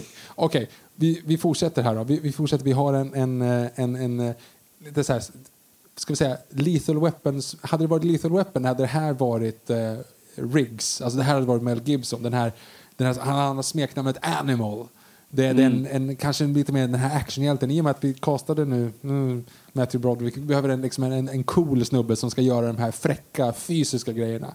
Som också ska vara lite quippy. Va, va, har vi, va, var, ska vi, var ska vi börja leta? Ska vi börja leta i actionfilmer? Ska vi börja leta i actionserier? Ska, vad ska vi göra? Liksom? Vart ska vi börja leta våra skådisar? Ja, alltså problemet är, vi har försökt att nå eh, Roland Emmerich men, men han, liksom, han sitter bara inne på sitt kontor och kollar på Simpsons hela dagarna. Och, och det enda han liksom så skickar ut på, på våra liksom castinglistor är, är Si- Simpson-figurer och vi försöker förklara för honom att det, att det, det är liksom skådisar och han kan inte riktigt uttala dem så bra men, men han, han, vill ha, han vill ha Mo eh, i, i rollen som Animal tydligen. Det, det, det är det han säger. Kan vi, kan vi dra ur sladden redan nu eller är filmprojektet redan igång? Vi har lagt för mycket pengar på det här och eh, nej. Åh, herregud. Ja, ungefär så kommer tronen gå till. Mhm. För att de anställer ju då inte mindre än tre Simpsons-skådisar i den här filmen. Det, är- det är så konstigt. Det, Alltså, alltså, det är vilka, en så är det sån Nancy Cartwright som gör jätteliten pytteroll. Ja, och så är det ju Hank Azaria då, Hank som Azaria, är Harry Shearer. Ja. Och Harry Shearer som är den här nyhetsankaret. Mm. Eh, sen älskar jag bara över... Alltså, Roland Emmerich säger vad man vill om honom, men det är ju någonting lite så här halvcharmigt också. Alltså, man bara går igenom hela casten, allting är jättekonstigt. Allting är jätteweird i, i castingen. Och man tänker så Mm. här, det skulle kunna vara fräckt lite så utanför boxen. Bara, Nej, det är bara dåligt faktiskt. Jag är ledsen, Ja. det, det är inte bra. Nej, Och det är jättedåligt regisserat. Det märks att de inte riktigt fattar vad de säger. Alltså, det, det är hemskt. Men en grej som man ska ha cred för, det är ju Ebert. Mayor Ebert. Alltså, det här hade jag glömt bort, så jag kollade om filmen nu eh, inför det här. Jag tror inte ens jag såg alltså, när vi började med, med Noipod, jag tror inte ens vi, jag tror jag såg i 54 Godzilla och några, vi kollade väl några gamla Godzilla, men jag tror inte jag såg 98 Godzilla inför det avsnittet, så nu såg jag verkligen om den. Och när det dök upp, jag ska förklara varför, alltså jag höll på att dö av alltså jag fick en hjärtinfarkt för att kom, jag hade helt glömt bort det jag, och jag hade missat det och inte läst om det och jag höll på att bara dö av skratt. Så att de har en karaktär som heter Major, Mayor Ebert, alltså borgmästare Ebert. Eh, Eh, och han ser ut som Roger Ebert och hans liksom, signalement eller hans logga är en tummen upp. Så, så för er som inte vet vad det här betyder. Så eh, på 80-90-talet, eller, eller så här, googlar du Film Critic, den första som kommer upp troligtvis är Roger Ebert. Han var den största, mest ja, fläskiga. Eh, Han var den absolut största filmkritiken som fanns. Alltså en film typ levde och dog på hans tummen ner eller tummen upp. Han trademarkade till och med tummen upp och han hade den här eh, väldigt populära eh, tv-showen At the Movies. Så det var han och eh, Gene Siskel som gjorde Vilket är också roligt för att han- hans assistent heter Gene och ser ut som Gene Siskel. Ehm, och Roger Ebert var lite, ja, men han var liksom han var den filmkritiken. Jag, ska, jag grät när han dog. Ehm, jag älskar honom. Det går att kolla, finns alla hans recensioner ligger typ uppe på, på Youtube. Men så det bara så här, det kom från ingenstans, det är så oprovocerat. Eller jag antar att Ebert måste ha gett eh, I, Ebert gillade var väl inget jättefan av Emmerich. kanske. Nej, det, det, lite grann var ju uppenbart en känga tillbaka. Och redan då, du, du typ doomar din film för honom. Jag, jag, åh, det här, jag, inte kolla, jag måste kolla vad Eberts recension av den här var. Men, eh, Jo, men han, han, han påpekar det, han säger bara så här, mm, okej, mm, flattering, but. Och sen så bara, han tycker väl inte att den är jättebra. Nej, men det, det tyckte jag var bara hyster. Och de gör honom så jävla hemsk. Alltså han, typ, han äter godis hela tiden, han är feg. Han är, alltså det, är, det är ett riktigt jävla hitjob på Ebert. Alltså det är inte Ja, gud, nå, ja. det är inte som en rolig så här, haha. Utan, och det har flera filmer. Jag vet- Larry David gjorde också det i Kirby Enthusiasm. Då han också en karaktär som är en matkritiker. Eh, som han hamnar i bråk med och han råkar kasta en basketboll för hårt så han bryter sina tummar så han kan inte göra tummen upp längre. För att Ebert hade hatat eh, eh, Larry Davids enda film han typ gjorde. Så att många gett sig på honom. Eh, det var bara väldigt intressant. Ja, och som sagt och så, så är, har han en, en eh, assistent som heter Jean dessutom. Så det är, liksom, det är inte ens försök Mm. Det är inte subtilt utan någonstans. det, det är liksom det är jättehatiskt. Mhm. Och sen så har det då, som jag skulle säga, alltså storyn, om man, om man ska nu kalla det för story, så är det så här. Någon, something has survived. Det är en, eh, en japansk fiskebåt som går under under mystiska omständigheter. Vi har ehm, den här Matthew Broderick-karaktären som forskar på mask i Tjernobyl Mhm. och ser att typ via de här radiation-grejerna så blir maskarna lite större. Det, jag, 17% jag älskar och, alltså, vetenskapen i radioaktivitet på den här tiden. För det, det, det, så- det enda radioaktivitet är, det är typ tre ögon och större. Det är det. Radioaktivitet gör saker större. Ja, det är Hulken. Mm. Liksom. Ja, exakt. Ehm, och då anställs då Matthew Broderick för att titta på den här, den här grejen. Hur som helst, alltså det konstiga jag skulle säga, kommer du, har, jag hade helt glömt bort varför fransmännen är där. Ja, Fransmän, det är ju så här tjohornat på något sätt, ja, franska Polynesien var där kärnvapentesterna gjordes och därför så tar fransmännen typ ansvar för Det här sin är skapelse. så roligt. Jag hade också glömt bort det. För jag kommer ihåg att Jean Reno var med, men jag hade helt glömt bort kontexten. Så bara, ah, just det. Och de lägger väldigt mycket fokus på fransmännen. Det är jätteroligt. Ah, Min gissning är, jag har inte läst något om det här, men troligtvis så vill eh, Alltså Hollywood, när de ska porträttera amerikanska armén så vill du få typ hjälp av armén och ha typ soldater eller få lite teknik och få lite liksom, kunna porträttera dem så korrekt som möjligt så, så ber du om deras hjälp. Då måste de oftast godkänna manuset. Och jag kan tänka mig i den första versionen så var det en amerikansk atombomb och de bara sa fuck no, vi tänker inte ha gjort det. Och vem skyller vi på? De vi alltid skyller på, fransmännen. Men det är också sån random grej att det är fransmännen av alla. Alltså visst, de har också kärnvapen, men alltså av alla nationer, alltså det är inte Ryssland, det är inte Kina, av alla du kan göra så är det fransmän. Fransmännen har inte tid att hålla på och göra kärnvapentest. De har först frukost, sen har, ska de ta typ ett litet eh, mellanmål efter frukost. Sen, sen, är det, sen är det lunch helt plötsligt. Då ska man, då ska man äta lunch. Sen är det eftermiddagslur. Eh, sen ska de ut och strejka. Och eh, ja, sen är det typ middag. Och sen går man hem till sina älskare. De har inte tid för sånt här. Varför är det fransmännen? Älskare i plural. Mm. Precis. Nej, nej, men då, det är det som är... Och det, the Frenchest Frenchman that ever Frenched. Det finns ett uttryck. Och, och jag tror att det bör appliceras på det här. För att det enda de gör... För det första, det var lite roligt. Jag, jag, har, nu, jag googlar inte, men jag har screenshotat en, eh, en bild från IMDB. Om du kollar på liksom casting, eller vad säger jag? Eh, eh, casting heter det inte, men herregud. Eh, actors, cast heter det bara. Eh, cast. Vad då de här fransmännen är eh, eh, eh, som, eller de står som liksom, eh, ja, så. Det är fyra fransmän, förutom Jean Reno då. Så är, det- de heter Jean-Luc, Jean-Claude, Jean-Pierre och Jean-Philippe. de försökte inte ens. Nej. De försökte inte De ska ens. ihåg att det är en tysk som har regisserat här också. Ja, precis. Nej, och sen så, för det, det är de fransmännen som tror honom om att det finns ett, ett, eh, ett näste någonstans med, Mhm. med ägg. Och då är det återigen den här grejen, bara så här, "Ah, vad är populärt? Ja, stora dinosaurier. Ja, men vi måste få in velociraptorerna. Godzilla är för stor. Ja, men vi kan lägga ägg. Mhm. Ja, men, för det är ju uppenbart bara en rip-off på Jurassic Parks Oh ja, det här, jag ser ju studiohuvudena framför mig som bara så här, nummer ett, Velociraptorer. Nummer två, leksaker, lös problemet.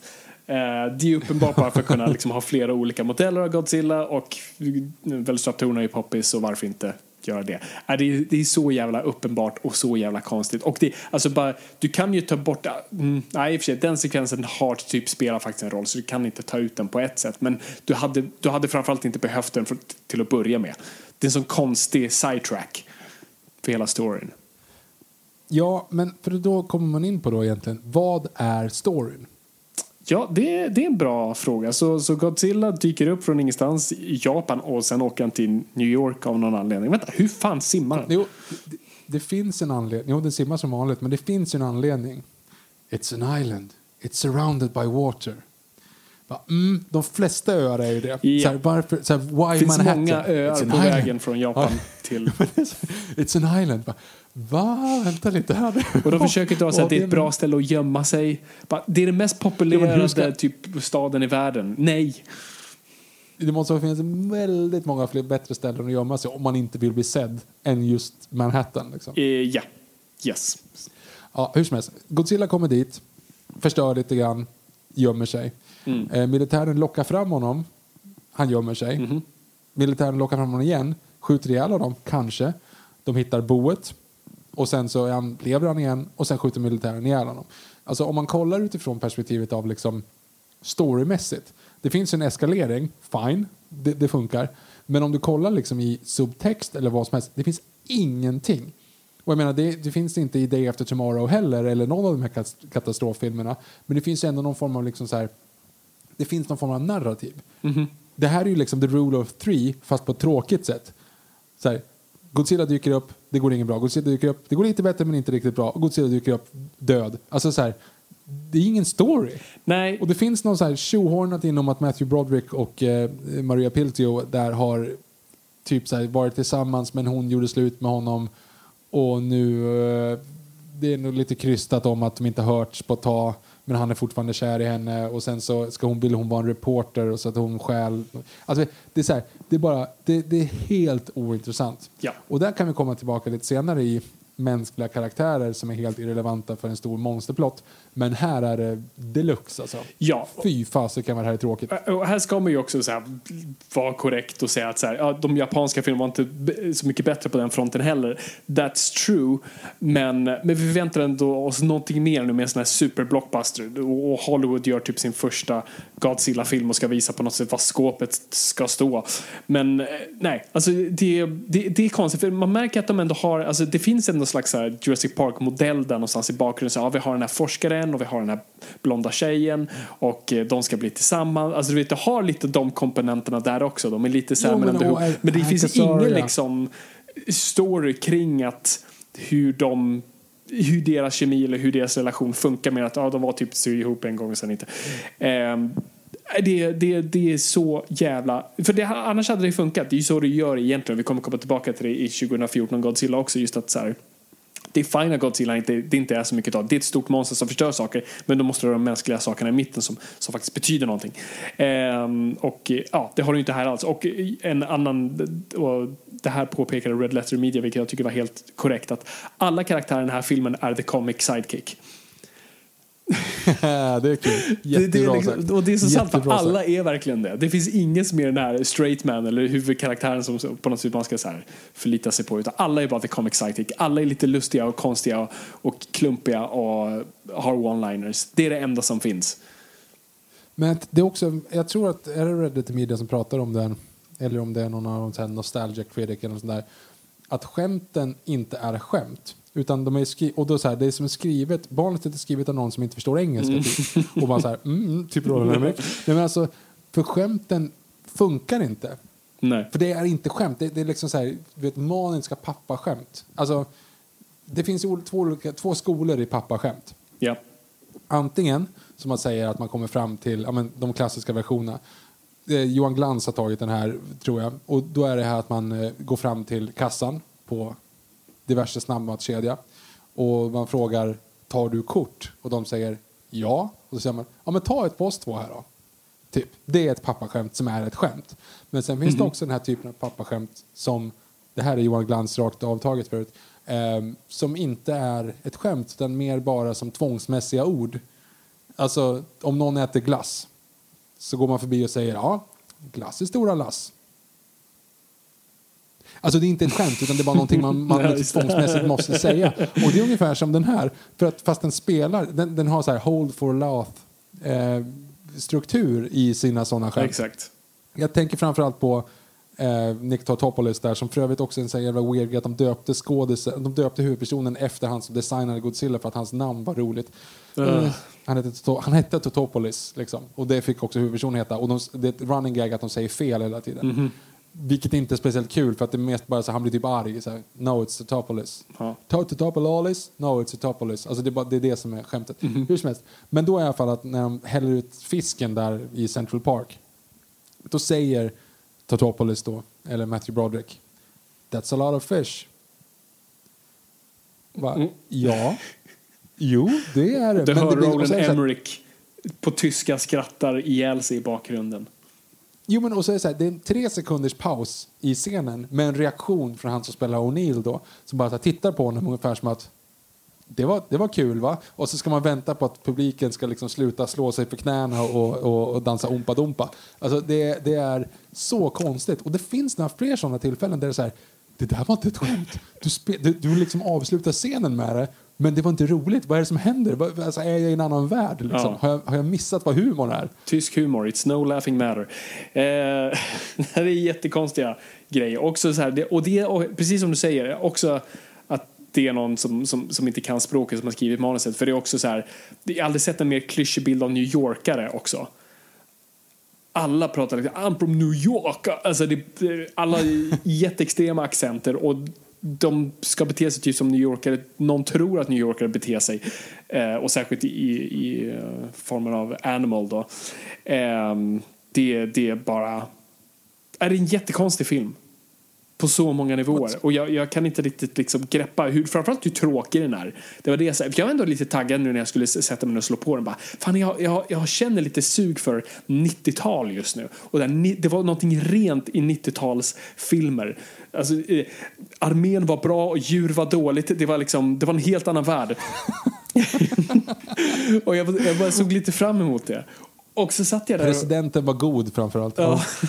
Men det var så jävla tråkigt. Det är en sån jävla tråkig film. Och alltså... Och det kan vi ju inte klandra. Det var alltså, fortfarande dataanimation låg i sin vagga då. Men alltså fysikens lagar är ju ingenting som den här filmen bryr sig om för fem år. Och framförallt inte bryr sig alltså något också som stör mig bara. De förstår inte hur kameror funkar. Förstår inte hur perspektiv och ljussättning fungerar. Alltså Godzilla ser ju helt sjuk ut. När Godzilla egentligen ska typ vara svart, alltså där, där kameran inte kan plocka upp det ljuset, då blir han blå. Typ neonblå istället och glimrar, vilket är en jättekonstig effekt. Och, och det kan vi också bara säga att effekterna är rätt ut dåliga. Och det här är alltså då fem år efter Jurassic Park som vi fortfarande håller till, typ, till den högsta standarden som peak specialeffekter. Och de gör ändå samma tricks här, för hela filmen så regn, regnar, det regnar inte bara, alltså det spöregnar hela filmen. Alltså det, det, de duschas av regn i den här filmen. Och, det, och det är ju så här, Jurassic Park-tricket, så men vi döljer dinosaurien i regn och mörker för då kan, kan vi liksom gömma mycket. Men eh, och det, den chansen hade de ju här också. Plus att de har något som är ganska stort. Visst, det, det tillåter mycket detalj ändå. Men, men, men, men du ska ändå kunna ha mycket att jobba med. Och Men du är aldrig nära framförallt. Nej, nej precis. Och, och ändå ser det helt... Alltså, jag tror inte de hade en konsekvent storlek på Godzilla. Den ser jättestor ut i vissa bilder och andra bilder kan den jättelätt smyga runt hörn hur lätt som helst. Vi, vi ska inte prata om eh, Godzilla-ungarna som inte typ har någon skugga under sig. De typ svävar när de står på golv. Det ser jättekonstigt ut. Och, eh, alltså, och hel, eh, alltså, på tal om fysik, helikoptrarna Alltså det är som en svärm av flugor som flyger mellan helikopter eller mellan liksom New York-skrapor. Det ser så konstigt ut. Det alltså, nu hade jag typ mer förstått det, men då var det ändå en man höll en ganska hög standard med att dataeffekter var tvungna att förhålla sig till typ, ja, fysikens alla lagar. För det var en sån ny, ny teknik, man förstod den inte riktigt och det var svårt att sälja så alltså måste man bara köpa det.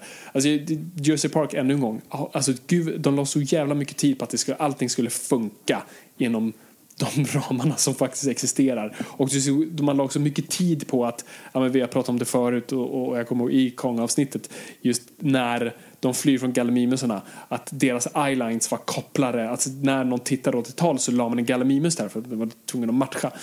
Eh, det har de inte gjort någonting med här. Och det ser du också i folk, folks ögon är helt all over the place. Och nej, nu kollar du liksom på Godzillas knän, han är där uppe. Eh, det, det är så dåligt. Och de hade ändå, alltså det var en hög budget på den här filmen. En hög budget för att vara 98. Jag tror den här, den här landade till och med på 130, vilket ironiskt för det var det den förra killen hade begärt. Nu gav de till Emmerich istället. Ehm, och jag tycker inte man ser mycket av den budgeten på, på skärmen. Så här, jag har också svårt att bedöma den här för att det här var bibeln för mig under ett år när jag var 8-9 år. Gud, ja. Så att jag har sett den här 15-20 gånger. Ja, det räcker fan inte. Jag har sett den, jag har sett den mer. Jag har sett den 30 gånger. Varav ja, 29 gånger var för minst 15-20 år sedan.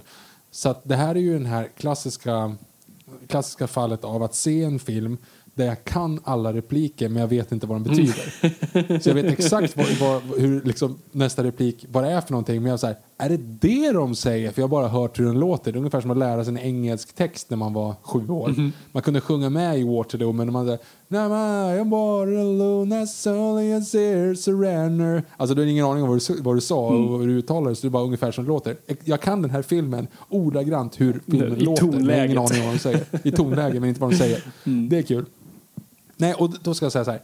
Fram tills att Godzilla, fram tills han som sitter och fiskar, typ. Tycker att det funkar. Jag tycker att brytpunkten är när han kommer upp på Manhattan. För det är så här, det här är mysteriet. De visar inte monstret. Du, du liksom, det, det är också den här lilla känslan av att det är runt hela världen. Det ska jag ändå säga att jag gillar. Att de åker omkring, liksom, det, du är på olika, olika platser, olika Ja. öar och så här. Vart är den på väg? Vad är det som händer? Alltså det, det, får en form av så här, alltså, internationellt krisläge. Liksom.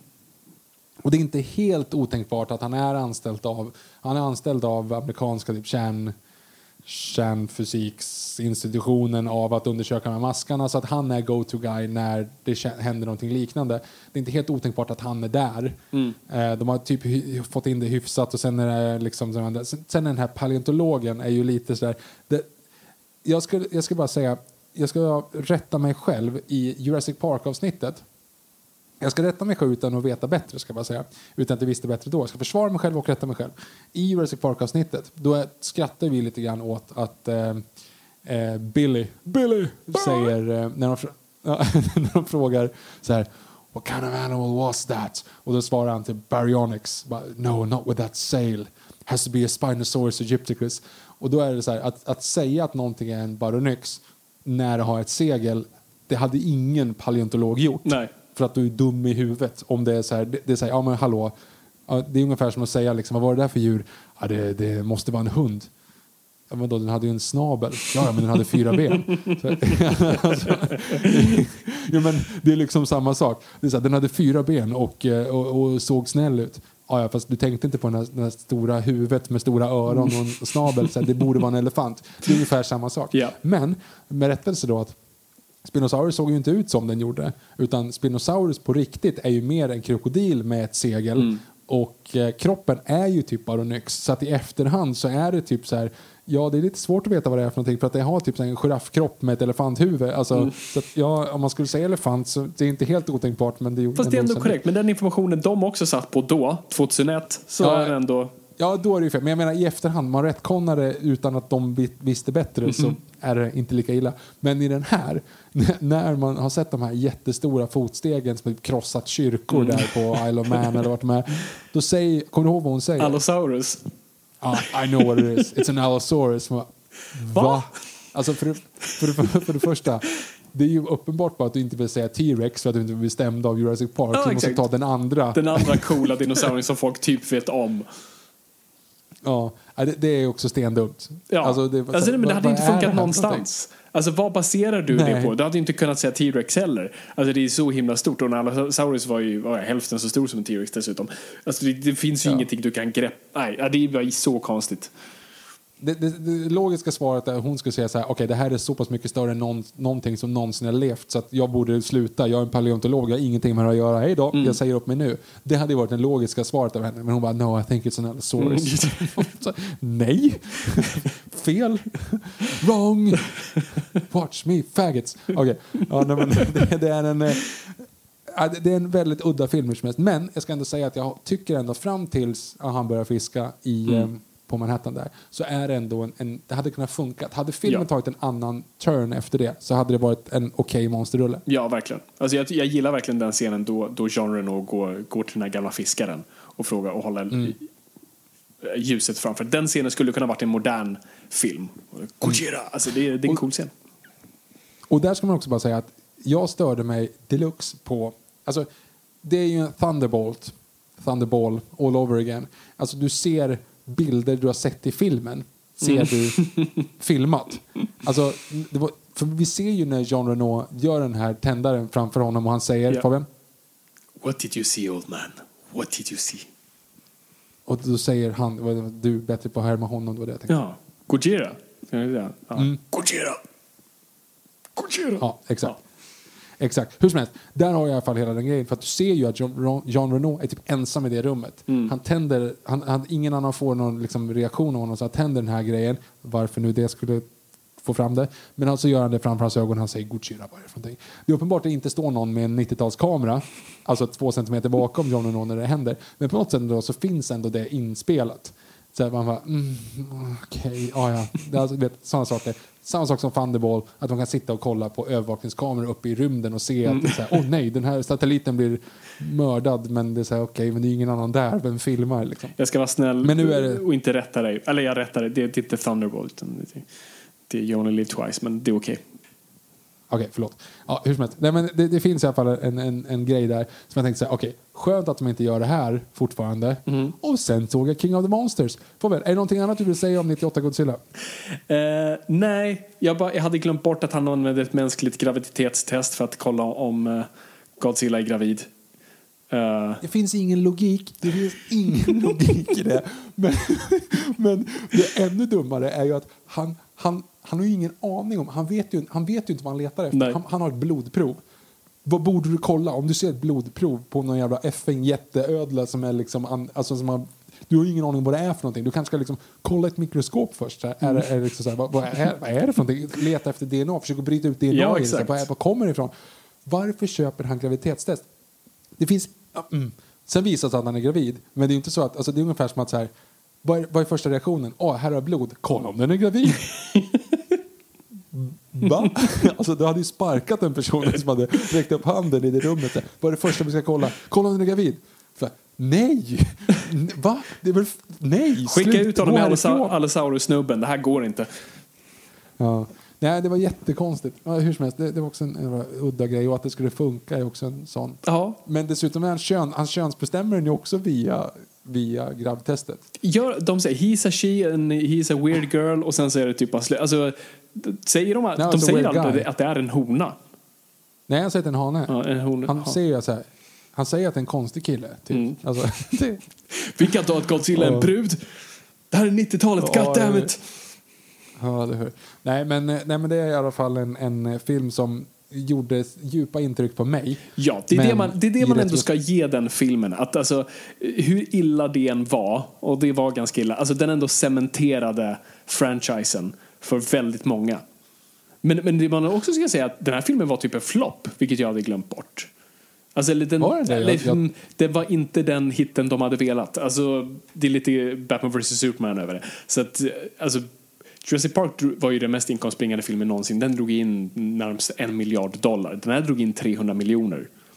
Så visst, den drog in Ja, liksom bra. dubbla sin budget. Men alltså, jag tror, jag vet inte fan om det täckte alltså, hela reklamkampanjen och P Diddys eh, privatplan. Vem vet? Alltså det... det Så det är frågan där. De hade nog absolut minst räknat med 500 miljoner. Så den här, den gick helt okej ändå utomlands. I USA floppade den. Mm. Men den är ju den är universellt hatad i alla fall. Ja. Det är Diana Alltså, the man- Day man- av Godzilla-filmer. Det som är lite kul, som man ska bara samtidigt då, alltså så här, känner vi att vi är klara med det här Ja. bara? Är det någonting mer du vill prata Nej. om? Skriv jättegärna in till oss, för det var länge sedan, eller så här, det var inte länge sedan, men för något, år- något år sedan så var det var en väldigt mycket diskussion kring, kring eh, ni Noipodare. Nu känns det som att så här, vi har inte uppmanat er att höra av er längre. Så ni, ni, det, är inte, det är några som hör av sig. Bland annat så fick jag här en, en, en film skickad till mig på en, en eh, havsleguan som är under vatten bara. Ut, Vad är oddsen för det? Vi har inte ens sagt Det var helt fantastiskt. avsnittet Nej. Nej, och jag, jag, liksom, jag tänkte på det, för vi får ju ibland liksom så här, ja, men inpingad i någon sån här eh, nyhet om Superman och sånt där. Och någon som säger så här, vad tror ni om, om Matt Reeves? Men nu var det verkligen så här, det var, det var lite sjukt. För liksom, det här är tre dagar innan vi spelar in det här avsnittet. Vi har liksom inte sagt egentligen till någon att vi gör en Godzilla-grej. Helt plötsligt får vi okommenterat, skickat till vår inbox på Instagram, får vi en film på en, en effing havsleguan som simmar under vatten som liksom ser ut som Godzilla. Och man bara så här, så här. Du lyssnare där ute har ett sjätte sinne. Hur som helst, samtidigt efter 98, ska jag säga också att 98-filmen 98 filmen får ju en, en spin-off-serie. En tecknad serie Just det. som, i, eh, som blir en sån här, ja men det är en Saturday morning show så att det är du vet, 23 minuter med två reklampauser Mm. och det ska vara ett nytt monster i varje avsnitt. Ehm, har hört bra saker om Ja. men det var liksom För där ändå kastar de in lite monster. Alltså lite andra. Där Jo, men då- dyker de ju upp. Då gick de ju tillbaka, exakt, då gick de ju tillbaka till den japanska formulan. Vilket, de, så de använde liksom den amerikanska Godzillas design men de tog tillbaka den äh, japanska Godzillas karaktär. Ja. Hur som helst. Vi eh, har ju också så att när den här kommer ut och den här blir ändå åtminstone en halvhit utomlands men kanske inte i USA så tänker ju Toho, okej, nej men nu åker vi. Så de, i vad de kallar då the millennium era så börjar de också göra Godzilla-filmer igen. Men fortfarande med en rubber suit och de, är liksom en, de gör en Godzilla 2000 som den heter, som kommer ut 99. Eh, och den, då är det ju liksom en som en, ja, men som en upphottad ny version av, av Godzilla som är av Toho-version. Och de återigen gör att den uppföljer direkt efter första filmen och återigen så är det Godzilla vs Mothra, Godzilla vs King Ghidorah, Godzilla vs Mecha-Godzilla. alltså det är samma skit igen. Men, ska sägas, att de avslutar den filmen 2004 med filmen Godzilla Final Wars. Som är liksom All Monsters Attack eller vad det nu heter. Alltså det vill säga en, en remake på den här som slutar att alla monster bara kommer att slåss. Och där har de en kul grej att då är det ju att det kommer en massa monster från hela världen som bara slåss och förstör massa monument i olika städer i olika länder. Därför övrigt finns den, om ni har för mycket tid över, återigen, det är en running theme i det här avsnittet. Googla Godzilla Final Wars New York scene. För där har de ju ännu värre än uh, What you doing over here? Over here, over here. Innan de är i New York och det är så här, poliser och gangster, gangsterrappare och knivar och stora uh, uh, kedjor. Alltså det, det är kul. Men i alla fall, i den filmen så är det en av monstren som kommer ner då till jorden. Eller om de kommer ner till jorden för det är aliens. Skitsamma. I Sydney så är amerikanska Godzilla Godzilla Just ja. mot Godzilla, fast då kallas den för Zilla istället. eh, så att riktiga Godzilla tokspöar amerikanska Godzilla. Bara så här, Nice. kastar in den i Sydney Opera House och bara atomic breathar sönder honom. Liksom. Eh, så det är ju en, en sån grej. Utifrån det här nu så läggs Godzilla ner lite grann. 2004 och vi känner att äh, men okej, nu, nu räcker det. Det här är liksom gjort. Och vi har ju fortfarande, alltså man ska också säga det egentligen, i den bästa Godzilla-scenen utanför Godzilla-filmer i amerikansk regi, konstigt ordföljd. Men okej, vi säger så här, en bättre Godzilla-scen än amerikanska Godzilla är ju The Lost World, för det är en hyllning till Godzilla Just ja. när T-Rexen kommer till San Diego. Eller som mitt skämt som jag drog när jag var åtta år, Jurassic Park 2, en Rex kommer till stan. Som för övrigt är det roligaste skämt jag någonsin kommit på. Ehm, eh, eftersom en spin-off på grisen Babe då. Babe, en gris kommer till stan. Exakt. Hur som helst. Där har du ju liksom hyllningen till Godzilla. De här japanska businessmännen som, skrik, som springer ifrån T-Rexen och skriker typ så här, Åh herregud, vi, vi rymde, vi flyttade från Japan för att slippa det här. Liksom. Alltså, den hyllningen är ju bättre hyllning än 98 Godzilla. Eh, ja. Hur som helst. Det, det händer ju en grej här under mitten, slutet på 2010-talet. Säger man 2000-talet eller 2010-talet? Alltså innan 2010-talet. Mellan 2000 och 2009. Vad, händer, Ja. vad kallas det? På engelska säger man the aughts, men eh, jag säger 2000-talet trots att det typ inräknar hela millenniet. Men jag säger 2000-talet. Tills Okej. vi kommer på något bättre. Okej, vi kör så då. Under 2000-talet, Fabian, så kommer ju någon, någonting som är revolutionerande inom film. Eller som åtminstone revolutionerar inom blockbusterfilm. Vad är det som händer under 2000-talet? Ja. Sent 2000-tal och fortsätter Ah, jag hade tänkt säga 2010-talet. Ju- Jurassic Park 3, men... ehm, hmm. Mm. Är det universum-tänk kanske? Ja, det är exakt det Mhm. jag tänker på. Marvel kommer ju. Vi börjar släppa storfilmer som helt plötsligt har någonting med varandra att göra lite grann. Vänta lite här, den där karaktären var ju... Vänta, den där karaktären var med i den filmen en gång. Det, det, herregud! Oh my god, Tony Stark nämner. Hulken. Cats and dogs living together. Alltså, det är någonting helt nytt, tror man. Mhm. Men som sagt, att Toho har gjort det här hur många gånger som helst tidigare. Det blir i alla fall en sån grej att ehm, Marvel kommer med sina, med sina eh, universumtänk och alla tänker att det här kommer inte funka. Det här är, alltså, herregud, vadå? Ska det här, de kommer inte orka hålla i det här. Folk kommer tröttna på det och sen så kommer Avengers som vinner, eller vinner, som drar alla rekord i försäljningar. Och man tänker, åh herregud, vad har vi i universum-tänk? Fort nu! Ring Tom Cruise, han ska vara mumie. Va? Ja, skitsamma, han får, han, han får, vi missade honom i Iron Man, nu ska han vara mumie liksom. Och vi tar in eh, Clive Owen vill jag säga, men det är inte alls det, utan han som var med i... Vänta, jag blandar alltid ihop de här två. Mhm. Han som är med i Mamma Mia, som sjunger It was sitting back. Vänta, det är Amanda Seyfried. Vänta. Ja, jag. Amanda Seyfried är... I Dominic children- Dominic Cooper, exakt. Vad heter den andra? Som inte är Dominic Cooper. Ja. Är det inte Luke Evans? Luke Evans, exakt. Bra, bra spottat. Och jag är nu osäker på, visst är det Luke Evans som är Dracula Untold? Yes. Mm. Bra. Det, det är kul i alla fall att de är samma person. Och jag säger Dominic Cooper och du fattar att det är Luke Evans som menar. Ja. Hur som helst. Vi har hängt De mycket. börjar göra franchise. Alla börjar göra franchise-tänk. Och jag menar samtidigt, Sagan om ringen har ju också varit här under en period. För först var det ju bara så här, hur ska vi göra trilogier? Mm. Vad har vi på skärmen? Sagan om ringen är en den största filmen som någonsin gjorts. Vi måste försöka göra trilogier. Mhm. Vad har vi för böcker som vi kan göra? Aragon, vad är det? Skitsamma, gör filmen. Den sög. Okej, vi, vi, vi slutar på en cliffhanger. För övrigt gjorde också Godzilla det också, ska jag säga. Godzilla 98 Just gjorde det. också en cliffhanger. Att Och det skulle vara en trilogi där. På tanken. Men det blir inte så. Nej. Men hur som helst. ehm, de, de tänkte att man skulle göra trilogier. Läs Guldkompassen, som också slutar typ mitt i ett slag. Läs då, Percy Jackson and the Lightning Thief. Men de gjorde ändå två. Ja, just det. De fick ändå in, in en till.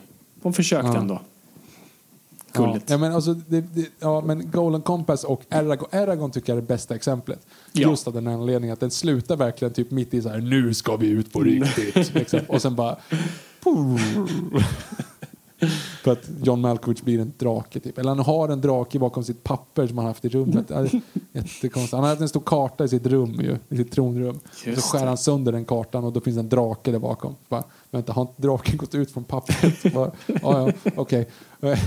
Och då är det liksom så här, nu Aragorn, nu kommer vi här och slåss på riktigt. Liksom. Eh, och det, åh herregud, ingen bra film. Mm. Eh, eh, för övrigt, vad hette den också då, med Ove Boll och Ray Liotta? Herregud, Jaha. den har vi recenserat i vår TV. Ja, King i- Siege va? Ja. Vad sa du? Vad hette den? King Siege hette den väl? Nej, heter den så? Det var en alternativ Skitsamma, till... Den, vilken den med. Jason Statham?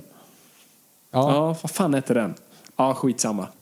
The Kings någonting i alla fall. Ja, The Kings Eh, och det, det är också samma sak där, att det är uppenbart att de så här försökte bygga en franchise men eh, Mm. kostar shitload of money förut. Lyssna på vårt tv-spelsavsnitt. Jag får att det är relativt roligt och då har jag pratat om den. Och det är en sån här film som att, ungefär som att prata om The Room. Den är så Mm. konstig som man inte ens kan prata om. Det är svårt att liksom få ut informationen. Det är, här, det är för konstigt så jag kan inte ens prata om det. Jag, det, det gör ont att liksom förklara det här. Hur som helst, det är kul. Vart var jag? Jo, franchise-tänket är eller vad säger eh, multiversum, vad heter det? Vart var jag? Vad heter Cinematiskt universum. kort står jag på. Cinematiskt universum. Det är där vi ska börja i alla fall. Och sen helt plötsligt då efter att ha bara kastat massa saker på, på köksluckorna och kollat vilka makaroner som var färdigkokta så visar det sig att hmm, vänta lite här, vi har ju faktiskt rättigheterna till Godzilla. Vad kan vi göra då? Var inte Godzilla och slogs mot King Kong i någon form av rip-off-version där 1964? Jo, men det gör vi. Och där kommer jag ihåg att när jag hörde det första gången så var jag så här, men det är ju inte en grej. Alltså Godzilla vs King Kong är inte en grej. Ni har, ni har, ni har fel.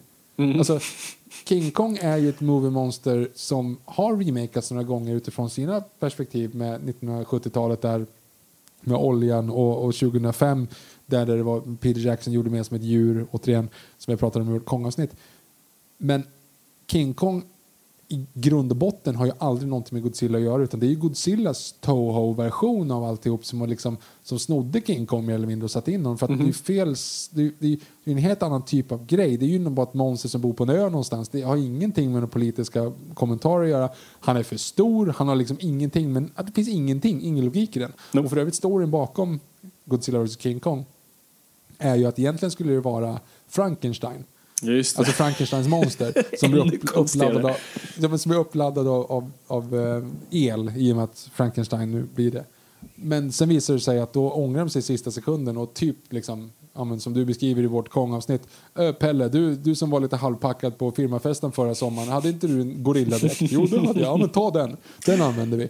Och det var typ så det var, för att den dräkten är hemsk och de har inte ändrat manuset överhuvudtaget utan det bara så här, King Kong laddas upp av el, vilket inte är helt logiskt. Nope. Liksom inte för Frankenstein heller, men det finns ändå någon form av koppling till el. Hur som helst, det är jättekonstigt och där blev det därav. Så det, är, det är bara ett fel att tänka att det skulle vara i samma universum. Men det byggs i alla fall ett universum. Och det kommer en film med Gareth Edwards som eh, Fresh of the Bat från en film som jag gillar jättemycket och jag tyckte mig själv var ganska rolig när jag såg den filmen efter för övrigt att ha sett Godzilla då och tweetade att shit, det här är ju verkligen eh, hur man gör liksom en monsterfilm med, med hjärta. Den här killen borde regissera Godzilla. Ja, just det. eh, den filmen heter Monsters, Japp. lågbudgetfilm men riktigt fräck. Där han gjorde har liksom specialeffekterna själv i sitt sovrum. Och det, det, man gillar ju det där. Man gillar ju liksom någon som har visioner på det sättet och verkligen gör liksom en passion för det här. Eh, så han får då möjlighet att göra liksom den största franchisen. Jag var taggad som stryk. Jag, jag köpte liksom Empire-tidningen där de besökte besökte inspelningsplatsen och det var väldigt mycket praktiska effekter och de hade liksom byggt upp hela den här liksom downtown Los Angeles i eld och de beskriver hur Gareth Edwards hade en stor knapp som man kunde trycka på och så hörde man Godzilla roaret liksom i hela scenen. Eh, och det var så här, det här blir bra. Fabian, Godzilla 2014. Ja, det, är, en, det är en konstig film det här. Så, så jag kollade om den nu. Det var länge sedan. Jag tror jag bara sett Ja, ja, ja, sett den två gånger tidigare kanske. Ja, men jag, var ju, eh, eh alltså, jag var ju skittaggad på den här filmen. Eh, Godzilla-film, Gareth eh, Edwards och Monsters hade jag sett långt innan. Så att jag, liksom, jag visste vad han kunde göra. Den där första teasern med Oppenheimer och eh, hela Halo Jump-grejen var så här... ah, De kan, fan, son of a bitch did it. Alltså, det kändes bara som det här, det här går inte att misslyckas. Så Bryan Cranston och, och den trailern var också bara efterföljande trailer. Liksom, You're hiding something. Fantastiskt. Eh, skitbra. Så, så, eh, It's sending us back to the stone age. Ja, Precis. Så vi gick ju och såg den här tillsammans på bio helt brutalt taggade. Ehm, och ah, det, det är så jobbigt med den här filmen för den gör, det är många saker den ändå får rätt men andra som blir helt fel. Och det, och det mesta är ju de mänskliga karaktärerna. Alltså det är en skitsnygg film, den, den ser bra ut, den, den verkar ändå ha hjärtat på rätt plats och sånt där och den, den är väldigt, ja men den, den är ändå respektfull till, till, till Japan och liksom arvet av uh, Gojira. Ehm, den gör så många saker rätt där men ändå så, så faller den så mycket på just att den är så satans jävla tråkig. Och jag förstår, och man förstår vad den försöker göra men den, det, det blir bara fel just med att säga jo, men det ska typ vara lite som Hajen att vi typ aldrig riktigt ser Godzilla. Så här, ja, jo, men filmen heter fucking Godzilla och till slut vill vi ju ändå se den. Och vad Hajen ändå gör bra var att vi varför vi inte sitter och tittar på klockan hela tiden det är ju karaktärerna. Att vi sitter och faktiskt gillar att hänga med karaktärerna. Och det gör vi ju inte här. Alltså Bryan Cranston blir ju liksom picked off efter typ 15 minuter och sen är det bara två blanda eh, framtida syskon. Eh, och det blir skittråkigt. Så att, eh, nej, alltså det finns många grejer att, att, att beta av med den här. Jag vet inte riktigt vart vi ska börja någonstans. Men det är min bara spontana känsla på att det kunde ha gått så rätt. Men min, min känsla är att Gareth Edwards hade inte riktigt så mycket kreativ kontroll. Eh, och jag vet att det här manuset hade cirkulerat mycket. Jag vet att Frank Darabont och David Goyer hade varit och pillat på manuset. Vilket också känns så här, fan det borde vara skitbra. Och ändå blir det så tråkigt. Så min, min tanke är nog att de var nog där säkert och pillade på hela mytologin och hur liksom Godzilla för det får de ju ändå rätt. Det måste man ju ge dem att varför Godzilla existerar och varför han dy, ens dyker upp. Det tycker jag ändå är bra. Eller hur? Ja, och där kommer vi tillbaka till det, här, till det jag ville att du skulle påminna mig om tidigare. Men du kan påminna mig om det igen senare i framtiden. För i min värld så var det här någon form av drömfilm. Jag vet att vi innan vi såg Eh, eller innan, innan, vi, ja, innan vi såg filmen såklart. Men, men det var även innan vi hade podden och, och vi liksom bara pratade om, om det här. Så var det så här, vilka filmer vill du se? Vad skulle du vilja se för någonting? Liksom? Då var min liksom, önskedrömmen att säga, ja, men en, en, eh, en värdig depiction av Godzilla. Alltså en remake där du på något sätt liksom tar dagens fasor, dagens problem, dagens allegorier för vad som är problemet idag och applicerar det på ett movie monster. För det är en så sjukt intressant grej. Alltså just den här grejen att du kan liksom, alltså, ja, men, eh, filmvetaren i dig skulle snabbt kunna säga vad är, eh, vad heter det nu? Night of the Living Dead till exempel. Day of the Dead, vad, vad symboliserar zombiesarna i, i Romeros Jaha, i, i Dawn of the Dead. Eh, de, Mm, Dawn of the Dead de, heter eh, konsumtionssamhället. Ja, till exempel. Mm. Det finns alltid någonting. Jag, jag, jag älskar den tanken av att liksom så här, för när man var liten så fattar man inte det. Nej. Men när man liksom sekunden poletten trillar ner så känner man sig så sjukt smart. Oh. så det, men så det, finns, det finns någonting i en så här som man säger, det är så, det är så sjukt, alltså det, det är så snyggt att använda popcornrullar där du, eller kanske inte ens majoriteten, men liksom en del av publiken sitter och kollar på en rulle som är tajt och bra och, och schysst i det vad det är och en annan sitter bara så här, åh herregud vad det här är intelligent. Det är där någonstans man vill vara. Och när jag såg teasern till den här, som sagt med Oppenheimer och den fan-trailern som går när man har hans eh, röst ovanför och bara den här liksom, now I've become death, the destroyer of worlds. Så inåt helvete coolt. Och där var det så här, okej, nu vet jag vad de gör. De gör första Godzilla igen. De kommer liksom göra det här nu så att de, de, kommer, de kommer att göra en, en, en, återigen en kommentar på kärnkraftverket. Så här, undrar vad de kommer att liksom, vad de har för, för twist den här gången. Men så var det inte riktigt det. Utan det var någonting annat om typ så här under jorden och hur naturen kommer tillbaka. Så här, ah, Okej, ja, inte, inte riktigt vad jag vill ha, men vi, fine, let's go with this. Och sen ska jag säga så här, jag förstår också, jag, jag är inte lika negativt inställd till den här som du. Jag tror, eller så negativ är du inte heller, men, men det jag har problemet med är de mänskliga karaktärerna också. För att det är, de hade ju ett totalt jävla karisma-vakuum i, i Kick-Ass där. Ja. Och jag, jag, alltså, det, jag tror också, nu, nu ska man inte sitta här och, och, och peta folk på näsan, så heter inte uttrycket, peka med pekpinnar. Eller berätta överhuvudtaget, bara översätta sig över folk som, som inte har barn. Men jag tycker om, alltså i, den, i vårt eh, Spielberg-avsnitt så pratar du om Close Encounters of the Third Kind. Varför tycker inte Spielberg om den filmen? Är för att det är gjort av en person som inte har barn och förstår ansvar. Exakt. Och det är lite det som var så här, för att jag kommer att jag tänkte inte på det, på det första gången jag såg den. Men nu, nu när jag har en, en knodd och så, så kan jag inte sympatisera med huvudkaraktären för fem öre. Det finns ingen logik i hans agerande. Alltså, vet så här, just den här grejen, det känns som att han, han, han, han skiter ju rent ut sagt i sin familj. För att, och då kan man säga, ja men han är den enda som kan d- lösa det här låset. Det inser han Nej, mycket senare i så fall. Det är, ja, exakt, det är ju bara när alla andra dör och han råkar befinna sig där. Ja. Han volontärar ju för att liksom verkligen göra det här. Mm. Visserligen, han hjälper den här ungen där på Hawaii Ja. och liksom tar någon form av initiativ så. Men han är ju han är ju ganska, han är väldigt motvillig när han gör det. ja. Eh, Det, det, han ser honom liksom säger åt sucka honom- nästan. Ja, och han säger åt honom typ så här, du ser fan inte till att jag missar mitt plan. Mm. Liksom. eh, och sen så hans, em, eller eh, frun då, eller framtida systern, hon lämnar ju sin unge på en buss. Ja.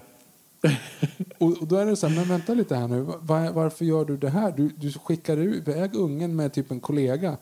Varför låter du inte kollegan stanna? Alltså så här, det, det finns ingen logik i att hon säger, ja men jag måste vara här och, och ta hand om folk. Ja, fast det måste du såklart. Och jag menar, det är nobelt och ädelt i någon form av liksom, kontext.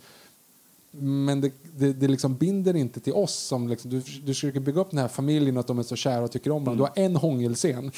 Och han typ lurar sin son att gå och lägga sig för han ska porka. Och sen ringer telefonen och han typ så säger så här No, you say, say, till that din mamma att vi ska ligga."